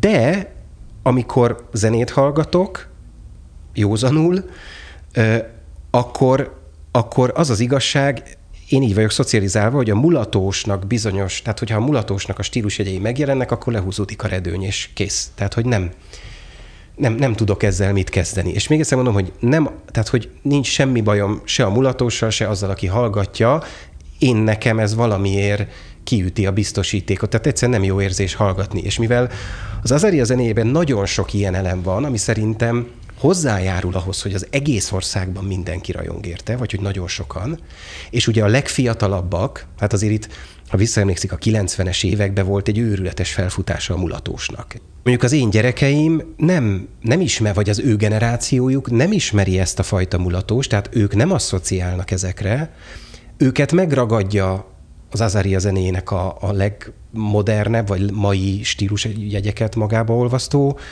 ö, rétege, és a vidéki, vagy fővárosi, vagy városi, vagy bármilyen emberek, akik meg vonzódnak a, mondjuk a mulató stílushoz, ők is kapnak valamit. Tehát nagyon izgalmas jelenség szerintem zeneileg is, meg előadóként is, meg, meg a magyar popkultúra részeként is Azaria, én nem rezonálok rá. Anyaintézménye a Zeneművészeti Egyetem hogyan fogadja az ön popzenei kalandozásait? Igaziból sehogy például amikor én jártam zeneakadémiára, az egy nagyon érdekes jelenség, hogy én azt éreztem, hogy én, én, én nekem volt egy zenekarom a régi gimnazista barátaimból alakult zenekar, akikkel ilyen underground szinten egészen szép kis karrierünk volt, klubokban játszottunk, és én Milyen azt nem, típusú zenét? Ez ilyen 70-es évek funk zenéje volt, James Brown mondjuk a, az, a, aki, aki a legjobban filmjelzi azt a stílust. Nem voltunk olyan jók, mint a James Brown, de, de nagyon szerettük. És én ezt nem mondtam el a Zeneakadémián se a tanáraimnak, se a diáktársaimnak, mert azt éreztem, hogy hogy ez nem, nem tenne jót az én megítélésemnek. De ma már nem kell rejtőzködni. És szerintem én úgy gondolom, hogy nem. Tehát biztos van, aki ezt ilyen furcsálva, vagy szemöldök felvonva nézi, de de hát sokfélék vagyunk, és nekem az a saját tapasztalatom, hogy az, hogy én hallgatok, meg elemzek Krúbit, ez semmilyen módon nem befolyásolja az én Bach vagy Kurtág értésemet. Szakmai szemmel nézve a hasonlóságok, vagy inkább a különbözőségek a jellemzők erre a két nagyon más műfajú alkotócsoportra? Szó sincs arról, hogy én azt mondanám, hogy a Taylor Swift az pont ugyanúgy jó, mint a Kurták György vagy a Johann Sebastian Bach, de azt igenis mondom, hogy nagyon sok eszköz, amit használnak, az nagyon hasonló. Most mondok egy egészen konkrét példát megint. SZIZA Kill Bill. A SZIZA nem annyira ismert Magyarországon, de most nyert Grammy-t és hát mondjuk pont ezt a dalát 1 milliárd 300 milliószor hallgatták meg a Spotify-on, és ez egy olyan harmónia menetet használ, ami a, ha zeneileg elemezzük, akkor egy ilyen, van egy segédeszköz, amit szoktunk használni a zeneelmélet tanításban, a quint kör, ami így körbe rakjuk a hangokat, a 12 hangot, ami rendelkezésre áll, így quintenként, és akkor nagyon érdekes, hogy van egy harmónia menet, ami így megy körbe a quint körön. És ezt a kvintkört, ezt az 1670-es években írták le először. És pontosan ugyanezeket a törvényszerűségeket követi egy 2022-es dal, amerikai popdal. Most szerintem ez egy Ettől nagyon... az előadótól. Ettől az előadótól. De mondhatnád, hogy ez, ez mindent a, az I Will Survive, most mondtam egy másik példát, ott ugyanez a, az akkordmenet indul el körbe, hogy, hogy szerintem ezek nagyon izgalmas jelenségek rámutatni arra, hogy persze sok felé ágazik el a zene, és vannak nagyon nagy ö, ilyen elágazódások, klasszikus, populáris, és akkor azokon belül is van a country, meg van a rap, meg a nem tudom mi, de a gyöker, gyökérzet az végül is oda vezet vissza, hogy vannak hangok, vannak harmóniai kapcsolatok, amik valamiért hagyományossá váltak, és például az, hogy hogy fejezek ki egy szöveget a zenében, ez nagyon sokszor kísértetiesen hasonlít, és persze rengeteg különbséget fel lehet sorolni, tehát egészen más a hozzáállása a zenéhez, mondjuk Taylor Swiftnek, mint Kurták Györgynek, de már nem annyira nagy a különbség Mozart és Taylor Swift között. Ahogy ez az eddigiekből kiderült. Munkáiból látszik, meg hát hivatkoztunk is rá, hogy sokat foglalkozott Kurták Györgyel, személyével és a zenével egyaránt. Például talált-e valaha, akár az ő, de akár a dalszerelő műhelyben feldolgozott Krúbi alkotásaiban valami olyan különös alkotói karaktervonást, módszertani egyediséget, amit amikor a szerzőknek esetleg megemlített, maguk is meglepetéssel fogadtak. Egy alkalommal egy kurták kurzusomon egy hallgató írt egy kitűnő szemináriumi dolgozatot a kurták Pilinszki dalainak az egyikéről. Ez egy 1970-es években született dalciklus, és ez az első dal, amit elemzett ez a diák, ez egyetlen hangot használ, egy D hangon recitál az énekes, és egy D hang szól alatt, tehát semmi nem történik a dalban, és egy Pirinszki vers szövege megy, és a legvégén lemegy egy félhangot, meg még félhangot, tehát ennyi az egész. És egy káprázatos elemzést írt róla, annyira, hogy én személyesen ismerem Kurtágot, és elküldtem neki, hogy szerintem ez csodálatos, és hogy mit szól hozzá. És annyira tetszett neki, hogy, hogy fölhívott, hogy vigyem el hozzá ezt a diákot. És elmentünk együtt, és ez a következőképpen történt. Ugye Kurtág a BMC-nek az egyik ilyen lakásában, vendéglakásában lakik, ott ült, kezében volt ez a szemináriumi dolgozat, ott ült a diák, ott ültem én, és a kurtág ment szépen végig a szövegen, és mindig mondta, hogy igen, ezt, ezt erre én is gondoltam. És akkor ment tovább, és azt mondta, hogy hm, erre nem gondoltam, de ez nagyon jó. És akkor, hm, ez nem, ez, ez nincs így. Tehát, hogy nagyon érdekes volt látni, hogy minden kategória van. Tehát az is van, hogy egy elemző azt fedezi föl, amit a zeneszerző maga is pontosan tudott, az is van, hogy fölfedez valamit, amit a zeneszerző nem tudott, de azt mondja, hogy na, ez tényleg így van, és van olyan is, ami azt mondja, hogy nem, ez, ez nincs így, vagy ez hülyeség, amitől még az elemző ezt föntarthatja, hiszen az alkotás leválik az alkotójáról. Egyébként, ha már itt ezekről beszélgetünk, egy muzikológus soha nem játszott, vagy nem játszik el azzal a gondolattal, hogy össze tudna rakni egy szimfóniát, esetleg mondjuk mindjárt egy világslágert, vagy a zeneművek megalkotásához kevés lenne csupán a teoretikus ismeret? Vannak muzikológusok, akik eljátszanak ezzel a gondolattal, sőt, vannak olyanok is, akik rekonstrukciókat is készítenek, tehát töredékesen fennmarad egy mű. Most egyébként épp nemrég volt a műpában egy bemutatója egy ilyen rekonstruált Liszt opera felvonásnak, amit egy Cambridge-ben élő zenetörténész állított össze, mindenféle, tehát azért a Liszt zenéje megvolt, Szóval mondjuk nem kellett nagyon-nagyon sok kreatív alkotó munka, de nagyon nagy tudás kellett hozzá, hogy minden úgy szóljon, ahogy feltehetőleg Liszt elképzelte azért ezek nagyon más típusú tevékenységek.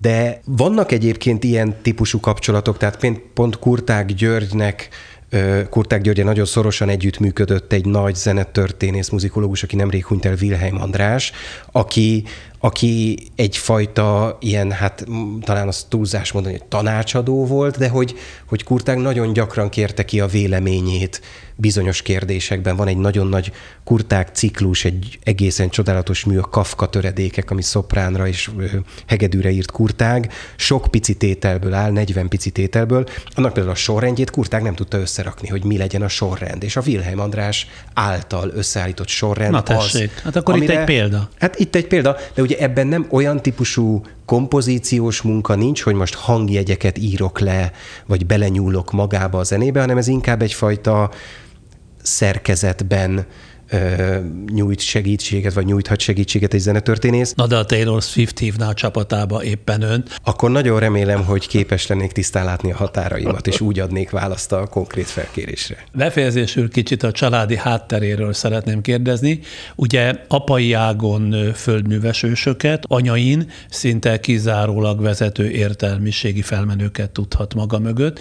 Édesapja igen fiatalon, 47 éves korában halt meg, sebészfőorvos volt, és róla nemrégiben írt egy nagyon megindító, nagyon szép visszaemlékezést. Ennek elolvasása után arra jutottam, hogy mintha az ő teljesítményét, az ő példázatát értékelné többre, szemben az értelmiséggé nevelődéssel, vagy tévedek? Amit én érzékeltem, meg amin sokat gondolkoztam apukám története kapcsán, hogy ugye egy értelmiségi háttérrel egy értelmiségi pályát befutni, az a természetes.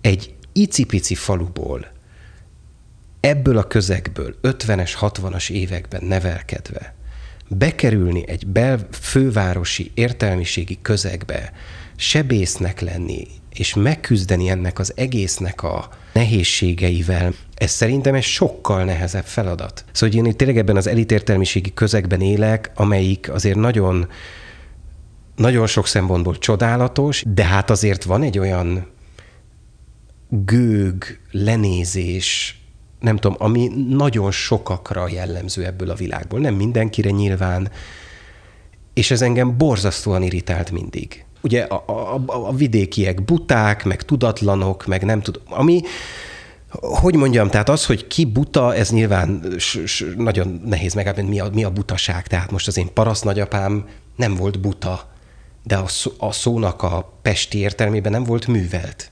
Hát nyilván, hát nem, most egy 450 fős kisalföldi faluban nem hall Beethoven szimfóniát, mert miért hallana? De nagyon komoly bölcsességeket mondott, mindig ugyanazt egy idő után, nyilván idős korában. Tehát, hogy, hogy hogy, hogy engem ez borzasztóan zavart valószínűleg miatt a két ágnak az összekeverése miatt. Na, és pont ez, ezért kérdezem, hogy sohasem gondolt hasonló sorsváltásra, mint apja, csak éppen visszafelé? nekem van egy, van egy ilyen álmom, ami valószínűleg sose fog megvalósulni. Egyszer a családdal Iszkián nyaraltunk, ami egy csodálatos sziget Nápolyjal szemben, a tenger közepén, és ott lógnak a zöldségesekbe ezek a paradicsomfürtök, amikről így kiderül, hogy az ember nem érti, hogy miért annyira finom ott a pizza. Nem azért, mert annyira jók a szakácsok, hanem mert olyan az alapanyag. És akkor úgy, úgy fölmerült bennem, hogy lehet, hogy Iszkián szívesen lennék meg nyugdíjas koromban zöldséges, de közben meg ez a, ez a bennem lévő nagyon erős hevület, hogy meg akarom érteni például azt a zenét, amit mindenki hallgat, úgy, hogy közben én mégiscsak tanultatásomnál fogva ott vagyok ezeken a képzeletbeli elefántcsontornyoknak a legfelső régióiba, és akkor legbonyolultabb zenékkel foglalkozunk, amit egyébként nagyon kevés ember tud meghallgatni, megérteni, nem tudom. Ebben szerintem benne van ez a fajta másik irány. De az, hogy, hogy a zenét, ezt a tudást, amit én megkaptam, vagy megkaphattam, ezt én valahogy visszaforgassam, mindazoknak, akik nem tudnak idejutni, mert azért, azért ugye sok ember nem azért tudatlan vagy műveletlen, mert nem akar, nem akar szerteni tudásra, hanem mert egyszerűen a körülmények nem engedik. Ahogy volt módom erről olvasni, a zene iránti különös érdeklődését egy egyszeri élmény formálta, ugyanis nagymamájával, a neves szociológus Losonci Ágnessel családi körben 14 éves korában előadtak egy zongora négykezest. Ő ugye 96 éves lesz idén. Jó egészségben van? Igen, igen, hát nem hiszem, hogy könnyű 96 évesnek lenni, de, de, de igen. Ugye nekünk egy napon van a születésnapunk nagymamámmal, és akkor ez Tényleg? volt az ünnepi előadás, és akkor elkezdtem. Jó, hogy egymás mellé ültek, és akkor egy négykezest zongorán lenyomtak. van, ez volt a családi ünnepség, Leányfalun, ahol azt mindig ünnepeltük, ott van egy családi nyaraló, és, és, akkor, és akkor ez elindított valóban egy folyamatot, engem valamiért, és ez nyilván összefügg azzal, hogy ez már egy ilyen sokadik generációs értelmiségi gyerek vagyok, maga a zene érdekel, ami hát aztán tényleg a legelvontabb dolgok egyike, ugye van egy gyönyörű Nobel-díjas regény, ugye Hermann Hessének az Üveggyöngyjáték című regény, ami erről szól, hogy van egy ilyen, egy ilyen elit, elit, elit, elit értelmiségi ö, világ, ahol tényleg olyan összefüggéseket keresnek, ami meg már semmi köze semmihez. És én nagyon sokszor élem át ezt, hogy, hogy amikor meg akarok érteni egy kurtág művet, egy Bach művet, ezt tanítom, erről írok, akkor tulajdonképpen nem üveggyöngyjátékot játszom.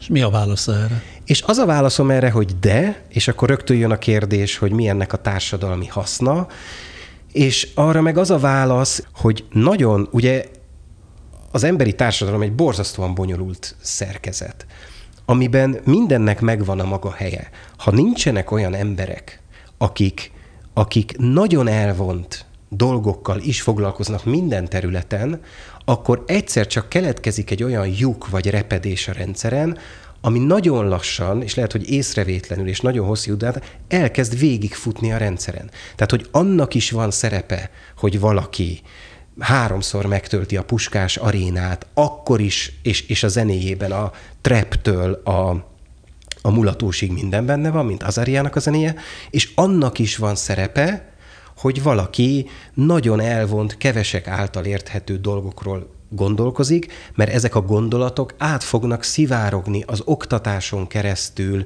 Tehát az, hogy én komolyan gondolkozom Kurták és Bach zenéről, ez biztos, hogy hatással van arra, hogy én zenetörténetet tanítok. Ahogy én zenetörténetet tanítok, az hatással van egy egész évfolyamnyi gyakorló zenészre, akik közül lesznek zenekari muzsikusok, szólisták, karmesterek, meg zenetanárok.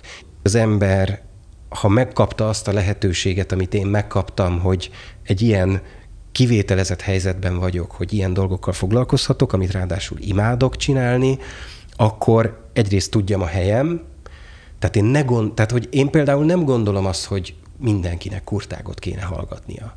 De azt gondolom, hogy mindenkinek el kell fogadnia, hogy nagyon fontos, hogy Kurták György szintű szellemek a maguk olykor tényleg nehezen érthető, de egyébként nagyon sok kurták zenével ennek a befogadás egyáltalán nem bonyolult, de vannak zenék, amik nagyon bonyolultak, ők ezeket létrehozzák, mert valahol ez adja meg szerintem egy, egy, egy kultúrának a mércéjét, ha tetszik. Mivel önnek különleges ötletei vannak arra vonatkozóan, hogy hogyan hozza közel a zenét azokhoz, akik nincsenek közel hozzá, és mert olyan sok embernek jelent gondot tényleg a zeneértés, különösen a komoly zeneértése, végezetül arra kérem, hogy adjon tanácsot nagyon közérthető módon, hogy hogyan kell zenét, különösen hogyan kell komoly zenét hallgatni ahhoz, hogy minimum hasson ránk, de esetleg értsük is, amit hallgatunk. Bekerülni egy koncertterembe, kinyitni a két fület, és mindenfajta előítélet nélkül hagyni hatni a zenét magunkra. És egyébként meg sokkal többet ad, hogyha elkezdek vele foglalkozni. Én most ezt tapasztalom, hogy a popzene is nagyon sokat ad, ha foglalkozom vele, de hogy igenis el lehet olvasni valamit a zeneszerzőről, meg lehet próbálni, ö, nem tudom, egy picit utána járni a dolgoknak. Tehát azt mondja, hogy hagyjuk először hatni, és közben pedig, vagy előtte, ha beül az ember mondjuk egy koncertre, hogy legalább a hatás hadd érje el, akkor olvasson hozzá a szerzőről, a műről, és akkor a kettő már olyan módon élénkíti az érdeklődést, hogy abból előbb-utóbb lehet egy komoly zene szeretet? A szeretet azért az egy olyan dolog, amin dolgozni kell. Egy párkapcsolatban is, vagy egy házasságban. És a zene szeretete is ilyen, de azért a művészetnek borzasztó fontos eleme a zsigeri hatás. Tehát az, hogy bemegyek egy koncertre, akár egy klasszikus koncertre, és egy ponton elsírom magam.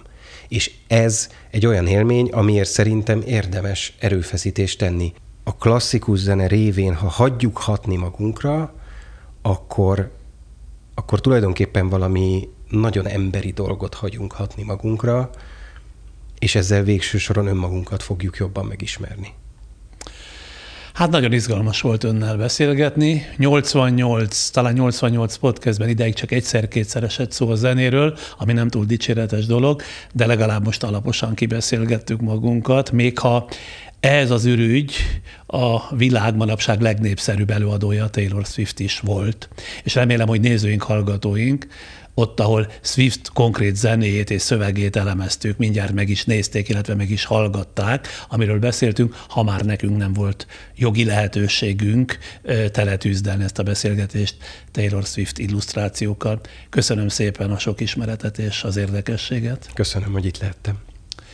Ma Fazekas Gergelyel, a Liszt Ferenc Zeneművészeti Egyetem docensével, zenetudóssal beszélgettem. Elsősorban a Taylor Swift jelenségről, de aztán természetesen vendégünk is nagyító alá került. Aki kedvelte ezt és kedveli az ehhez hasonló beszélgetéseket, kérjük támogassa műsorkészítésünket, vagy itt a YouTube képernyője alatt a köszönet gombra kattintva, vagy a patreon.com-on, a Friderikus Podcast oldalon, vagy harmadik lehetőségként a tartalomleírás alatt található közleményünkben részletezett módokon.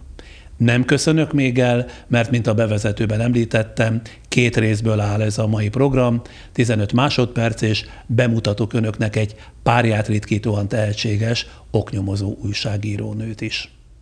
A műsorszám felemelő pillanatait a Nissan támogatja. Váltsd a zöld megoldásokat valóra. Raiffeisen Bank. Váltsd velünk valóra. Az egyedi lakberendezési ötletek otthona a kare24.hu. A következőkben egy kiváló oknyomozó újságíróval beszélgetek, aki pár napja másodikként kapta meg a Szent László díjat. Egy évvel korábban, tavaly január végén Moskovics Judit, az RTL Házon kívül című műsorának riportere lett Szent László díjas. Másfél éve meghalt kollégám és barátom, Szente László, a kiváló rádiós és televíziós szerkesztő. Szente Laci élete és munkássága példa a 21. századi minőségi újságírásra, de sajnos a szűk szakmai közösségen kívül elegen nem tudtak létezéséről. Kollégánk emlékére és nevének fenntartására a Rangos Kati kolléganőmmel együtt díjat alapítottunk, a díjat minden év január 28-án, Szente születésnapján adjuk át, annak az újságírónak vagy riporternek, aki különleges tehetségét, megkérdőjelezhetetlen szakmai tudását és kérlelhetetlen alaposságát nem tudja vagy nem akarja céltudatos önérvényesítéssel párosítani, ami, ha valakire, Szente Lacira fokozottan jellemző volt. Olyan újságírók, riporterek nevezését vártuk az újságok, tévék, rádiók, online felületek főszerkesztőitől, akik maguk biztosan nem pályáznának a díjra. A pályázatok elbírálására még tavaly kuratóriumot hoztunk létre, mi ketten tehát a díj alapítói ennek munkájában, a díj odaítélésében természetesen nem vettünk részt. A díjról döntő testület elnöke, Majtényi László, az Ötvös Károly Közpolitikai Intézet elnöke, tagjai Kotroszó Róbert, az RTL hírigazgatója, Hadas Krisztina dokumentumfilmes, riporter, Dezső András a HVG munkatársa, és Dul Szabolcs a Telex korábbi főszerkesztője. A Szent László díjat, ami Sipos Marica és Botos Péter iparművészek üvegplasztikája, plusz nettó 1 millió forint, ebben az évben a Direkt 36 oknyomozó portál újságírója Virt Zsuzsanna nyerte el. Ez alkalommal hívtam meg ide beszélgetni az idei díjnyertest, Virt Zsuzsannát. Az a típus ön, aki önmagától nem is igen pályázott volna? Bevallom, hogy, hogy azért néhányszor előfordult, hogy beadtam egy-egy cikkemet különféle ilyen pályázatokra, amiről úgy éreztem, hogy jól sikerült, de, de, de, de nem, azért, azért nem, nem mondanám, hogy erről szól az életem. Akik rendszeresen olvassák a Direkt 36-ot, ismerhetik az ön munkásságát, azt a hát hadd dicsérjem szembe kiemelkedő szakmai névót, amit képvisel egy-egy oknyomozása során.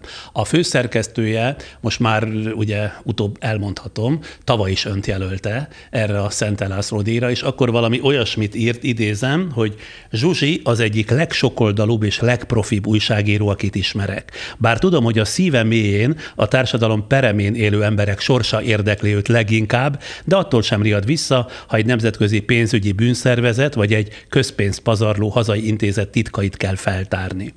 Na most akkor honnan ez a kérlelhetetlenség és következetesség, ami az oknyomozáshoz nyilván alapvetően szükséges? Nagyon szeretek szöszölni úgymond témákkal, tehát hogy sok időt eltölteni egy-egy, sztorinak a feltárásával, mert, mert szerintem minden történet sokkal bonyolultabb annál, mint ami ennek elsőre látszik, és ahhoz, hogy ez kiderüljön, ahhoz, ahhoz így sok irányból kell körüljárni. Eleve oknyomozó újságírónak készült, vagy a véletlen sodorta erre a pályára? Nem, nem. Én, én újságíró szerettem volna lenni, ezt ilyen tizenéves koromban kitaláltam, és egyébként részben azért, mert hogy, mert hogy nagyon sokat hallgattuk otthon a családommal, ilyen tizenéves koromban a Kossuth Rádiót. És a Kossuth Rádióban nagyon jó műsorok voltak, és, és nagyon-nagyon profi Annak rádiósok idején. voltak. Annak idején 90-es, 2000-es években tényleg hosszú órákon át lehetett hallgatni, és akkor bennem úgy kialakult az a, az a vélekedés, vagy az a, az a biztos tudat, hogy, hogy az újságírók azok nagyon-nagyon okosak, mindenhez értenek, nagyon tájékozottak, és, és ez így imponált. És amikor én ilyen tizenévesen azt nem tudtam eldönteni, hogy mivel is akarok foglalkozni az életben, akkor jutott eszem, hogy hát az újságírók mindennel foglalkoznak, milyen izgalmas. És, akkor, akkor így, lett. így lettem uh-huh. újságíró. Igen. Hány éve van a szakmában? Hát most már húsz éve. Másodéves voltam az egyetemen, akkor kerültem a, a régi Origóhoz, egy, egy elég az egyik első internetes újság volt ugye Magyarországon, nagyon komoly szerkesztőséggel, és, és másodéves koromban mentem oda gyakornoknak, és hát aztán így ott ragadtam, úgyhogy ott voltam tíz évig. Milyen egyetemre járt? A bölcsészkarra jártam az eltén ott volt újságírás szak, most is van egyébként, most, most már néha ilyen óraadóként járok vissza, és akkor ott kezdtem el ezzel a szakmával úgy közelebbről ismerkedni. Az egyik tanárom volt Magyari Péter, egy közismert újságíró, és, és ő dolgozott akkor az Origonnál, és mondta, hogy lehet menni gyakornoknak. Akkor már látott önben valószínűleg egyetemistaként is fantáziát. Talán igen, én mondjuk azt hittem, hogy, hogy megyek, és majd kávét fogok főzni, és majd segítek az újságíróknak kikeresni, nem tudom, az archívumból dolgokat. Hát nem pont így lett, hanem hogy így egyből, egyből mély víz, és pont azt kellett csinálnom, mint, mint mindenki másnak. A díj névadóját, Szente Lászlót ön ismerte munkáit a rádióban, ha annyit hallgatott rádiót vala is hallotta, vagy már túl nagy a korkülönbség, és ezért éppen elcsusszantak egymás mellett? Ahogy mondtam, az, az hogy, hogy arról szóltak nagyon sokszor a délutánjaim, hogy anyukám hallgatta a rádiót, és akkor én ott voltam, tehát az ő, ő hangja épp úgy ismerős, mint ahogy Rangos Katalin hangja ismerős, és ismerős a 180 perc, és a többi ilyen legendás közéletű műsor, és, és nekem a közéleti érdeklődésem az, az nagyon nagy részben innen. Származ. Hogy, hogy nem a rádióba ment el? Nem vagyok az a személyiség, aki nagyon szívesen szerepel, akár így mikrofon, akár kamera előtt, tehát én inkább mindig úgy voltam vele, hogy majd én írok, mert ott nem kell látszani, nem kell szerepelni. a körülmények ellenére már, ami a mai Magyarországot illeti, és mindennek dacára, mit szeret ebben a hivatásban, az oknyomozó újságírásban? Nagyon sok mindent, tehát hogy egy, egyrészt az, hogyan megszületik egy sztori, és annak van egy hatása, meg ahogy, ahogy az ember eljut egy, egy, a kérdésektől a válaszokig, és, és akkor megszerzem, a, mondjuk egy dokumentumot megszerez, vagy feltárja az igazságot, hogyha, hogyha lehet ilyen nagy szavakkal élni, az, az ad egy nagyon nagy adrenalin löketet mindig nagyon örülök, hogyha egy sztorinak jó vízhangja van, azt is nagyon szeretem ebben a szakmában, és hát, hát van, van egy olyan eleme is, itt szóba került ez az, hogy a szociális érzékenység, meg hogy a társadalom peremén élők. Ez hogy újságíró... azt csinálná, mondja, vagy írta a főszerkesztője? Igen, nagyon sok, nagyon sok olyan történetről is írtam, és, és abban meg az a jó, hogy, hogy lehet, tehát hogy nekem hatalmamban áll újságíróként hangot adni olyanoknak, akiknek egyébként nem hallani a hangját. Tehát egy kicsit felerősíti a média ezeket a hangokat, vagy mondjuk, ha valaki a másik oldala ennek a, ennek a szakmának az az, amikor a hatalmat ellenőrizzük, és a hatalom mondjuk szeretne eltitkolni valamit, és nekem újságíróként az a feladatom, hogy azt kiderítsem, hogy mi az, amit el szeretnének titkolni olyan ügyeket, amik amúgy mindenkire tartoznak, és mindenkinek tudniuk kell. Ez a bizonyos szik sorozat, illetve a dokumentumfilm, amelyekkel főszerkesztője pályáztatta ön, ugye a kórházi fertőzésekről szólt. Tulajdonképpen amíg ön nem írta meg és nem forgatta le ezt a témát, nem is tudhatta a nagy közönség, hogy milyen nagy arányban fordulnak elő fertőzések a kórházakban. Mi vitte rá, hogy éppen ezt a témát írja meg? Ezt a sztorit, ezt, ezt én úgy kezdtem el, hogy, hogy eljutott hozzám egy dokumentum. Ez a leg, legálomszerűbb kezdés minden, minden tényfeltáró újságírónak, vagy nyomozó újságírónak. Hogy szokták ezt mondani? Hogy bedobták a postaládába, hát úgy, befújta a szél? Úgy, úgy mondanám, hogy eljutott hozzám, igen. És, igen. És, és ez a dokumentum volt az, ami, ami arra utalt, hogy, hogy, hogy valójában sokkal több lehet a kórházi fertőzés, mint amit a hivatalos számokból látunk. És akkor ezen a nyomon indultam el, és, és hát ez egy, ez egy ritka hosszú munka volt, mert több mint egy évig tartott, és ráadásul szerzőtársam is volt, aki szintén rengeteget dolgozott vele, Marton Kamilla. Ö, és, az olyan szép, hogy mindig megemlíti a nevét tényleg nagyon sokat, sokat dolgozott ő is ezen a, ezen a történeten, ő menet közben kapcsolódott be, és, és tényleg sikerült bebizonyítani, hogy igen, ez a, ez, ez a valóság, tehát hogy valószínűleg nem valószínűleg egészen biztosan többszöröse annak a kórházi fertőzések előfordulása, mint amit, amit tudunk vagy gondolunk. Azok kedvéért, akik nem olvasták a cikket, röviden kérem foglalja össze, hogy mikre jutott tényfeltárás közben már, ami a kórházi fertőzéseket illeti. Az egyik ez, amit már említettem, tehát, hogy jóval több van, mint gondoljuk. Ö, a másik, ami, ami talán egy ilyen fontos tételmondat még, hogy azt is sikerült bebizonyítani, hogy, a, hogy az állami szerveknek nem érdeke az, hogy ennek a problémának a nagyságát a nyilvánosság elé tárják, és mivel nem igazán szeretnének vagy tudnak megküzdeni vele, tehát hogy szembenézni a problémával és lépéseket, komoly lépéseket tenni, hogy visszaszorítsák a kórházi fertőzéseket, ezért inkább, inkább kifejezetten aktívan igyekeznek titkolni, hogy ez a helyzet.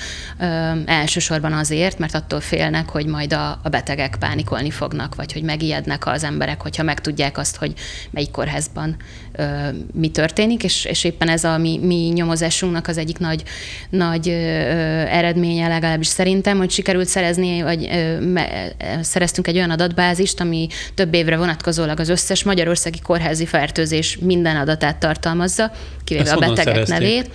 Ezt a társaság a szabadságjogokért hosszas pereskedéssel szerezte meg, és aztán ez a 2015 és 17 közötti évekre vonatkozó adatbázis volt.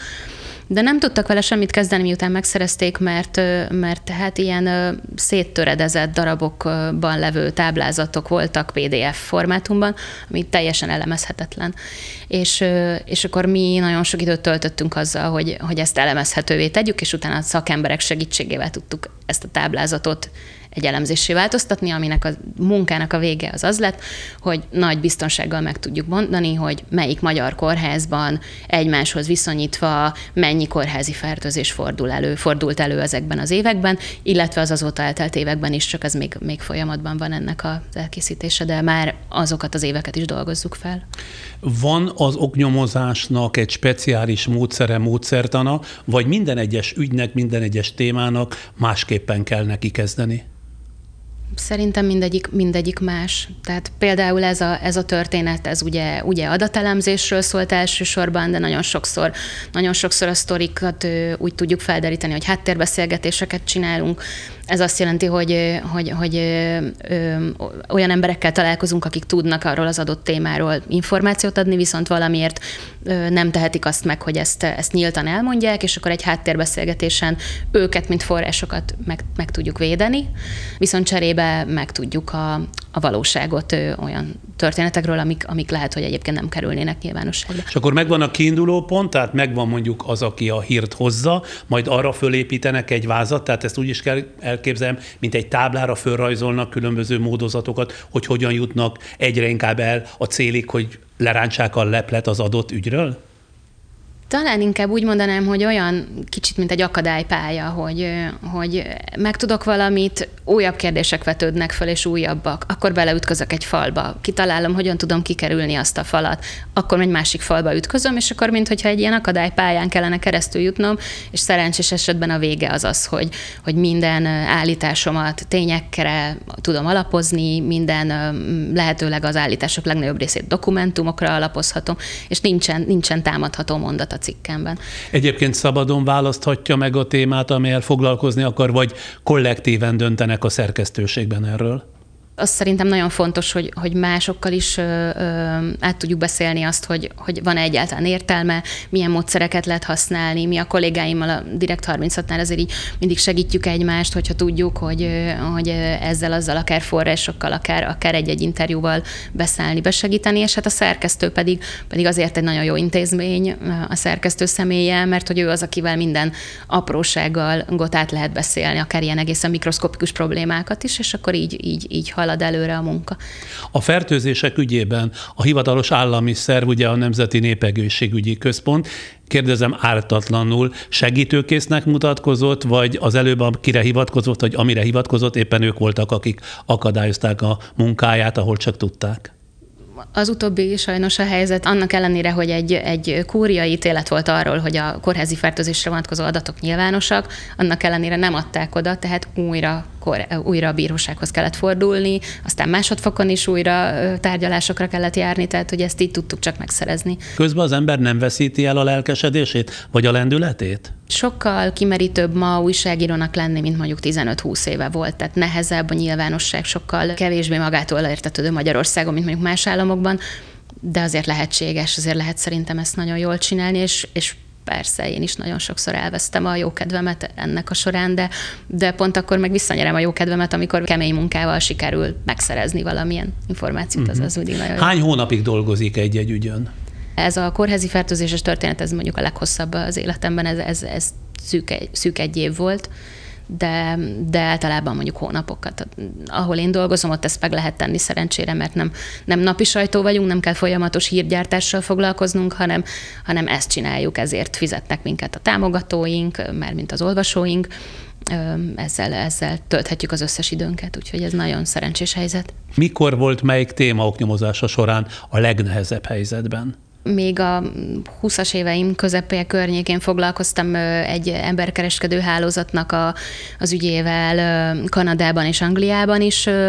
Egy magyar emberkereskedő hálózat magyar embereket, ágról szakadt szegény magyar embereket kihasználva dolgoztatott ingyen, és akkor ezután nyomoztam, ott, ott például az volt a legnehezebb, hogy hogyan lehet mondjuk hiteles információt szerezni a háttérbeszélgetések révén. És ilyenkor a helyszínen is utazik például? Ebben az esetben igen, tehát én, én Angliában is jártam, és akkor ott több, több várost meglátogattam, több, több olyan házhoz el tudtam menni, ahol fogva tartották ezeket az embereket, a, a, ezek az elkövetők, akiket egyébként utóbb le is tartóztattak. Másik, amit szeretek, még a két évvel ezelőtt jelent meg az Antal József Tudásközpont nevű mm, hát félig civil szervezetről szóló, szóló anyagom. Ez a, ez a szervezet ez nagyon sok állami pénzt kapott azért, hogy, hogy, hogy terjessze Antal József nyomdokain ezt a politikai gondolkodást. Aztán a vége az lett, hogy, hogy Antal József fia, Antal Péter, aki ennek a szervezetnek a vezetője volt, ő nagyon sok drága utazással és mindenféle ilyen luxusszerű kiadásokkal költötte el azt a sok pénzt, amit az államtól kapott. Az volt a nagy szerencse, hogy ezt sikerült így részletesen feltárni, tehát bankszámla kivonatokban tudtam szerezni, azok, azokban részletesen megnézni, hogy mire költötték a pénzt, a beszámolókat böngésztem, háttérbeszélgetéseket csináltam, és akkor összeállt egy, a kirakósból egy, egy nagyon, nagyon részletes kép arról, hogy mi is történt a színfalak mögött ennél az alapítványnál, és miután megjelent a cikk, azután kormány megvonta a további támogatást tőlük, és amennyire tudom, azóta be is zárt ez a szervezet, tehát most már nincs ilyen. És ez ennek a cikknek a hatására történt? Elég valószínű, hogy igen, vagy nem, biztos vagyok benne, hogy igen. Milyen szerény még mindig. Hát gratulálok önnek, ebben az évben is mondhatom, hogy nagyon jó helyre került a Szent László díj, és aki a Direkt 36-ot rendszeresen olvassa, azt tanúsíthatja ezt. Úgyhogy köszönöm szépen, és gratulálok. Én köszönöm a meghívást, és a díjat. Már annyi volt műsorunk, jó hosszan tartott, de remélem nem bánják. Ismét kiteszünk újabb műsorokat, műsorrészleteket egykori tévés tevékenységem munkadarabjai közül. Ezeket követni lehet a youtube.com-on, a Friderikus Podcast oldalának negyedik visszinte sorában. Már nem kevesebb, mint 267 részlet, interjú, riport, szórakoztató és közéleti beszélgetés megtalálható itt, de a Facebookon is meg lehet nézni ugyanezeket. Találkozunk legközelebb március 7-én.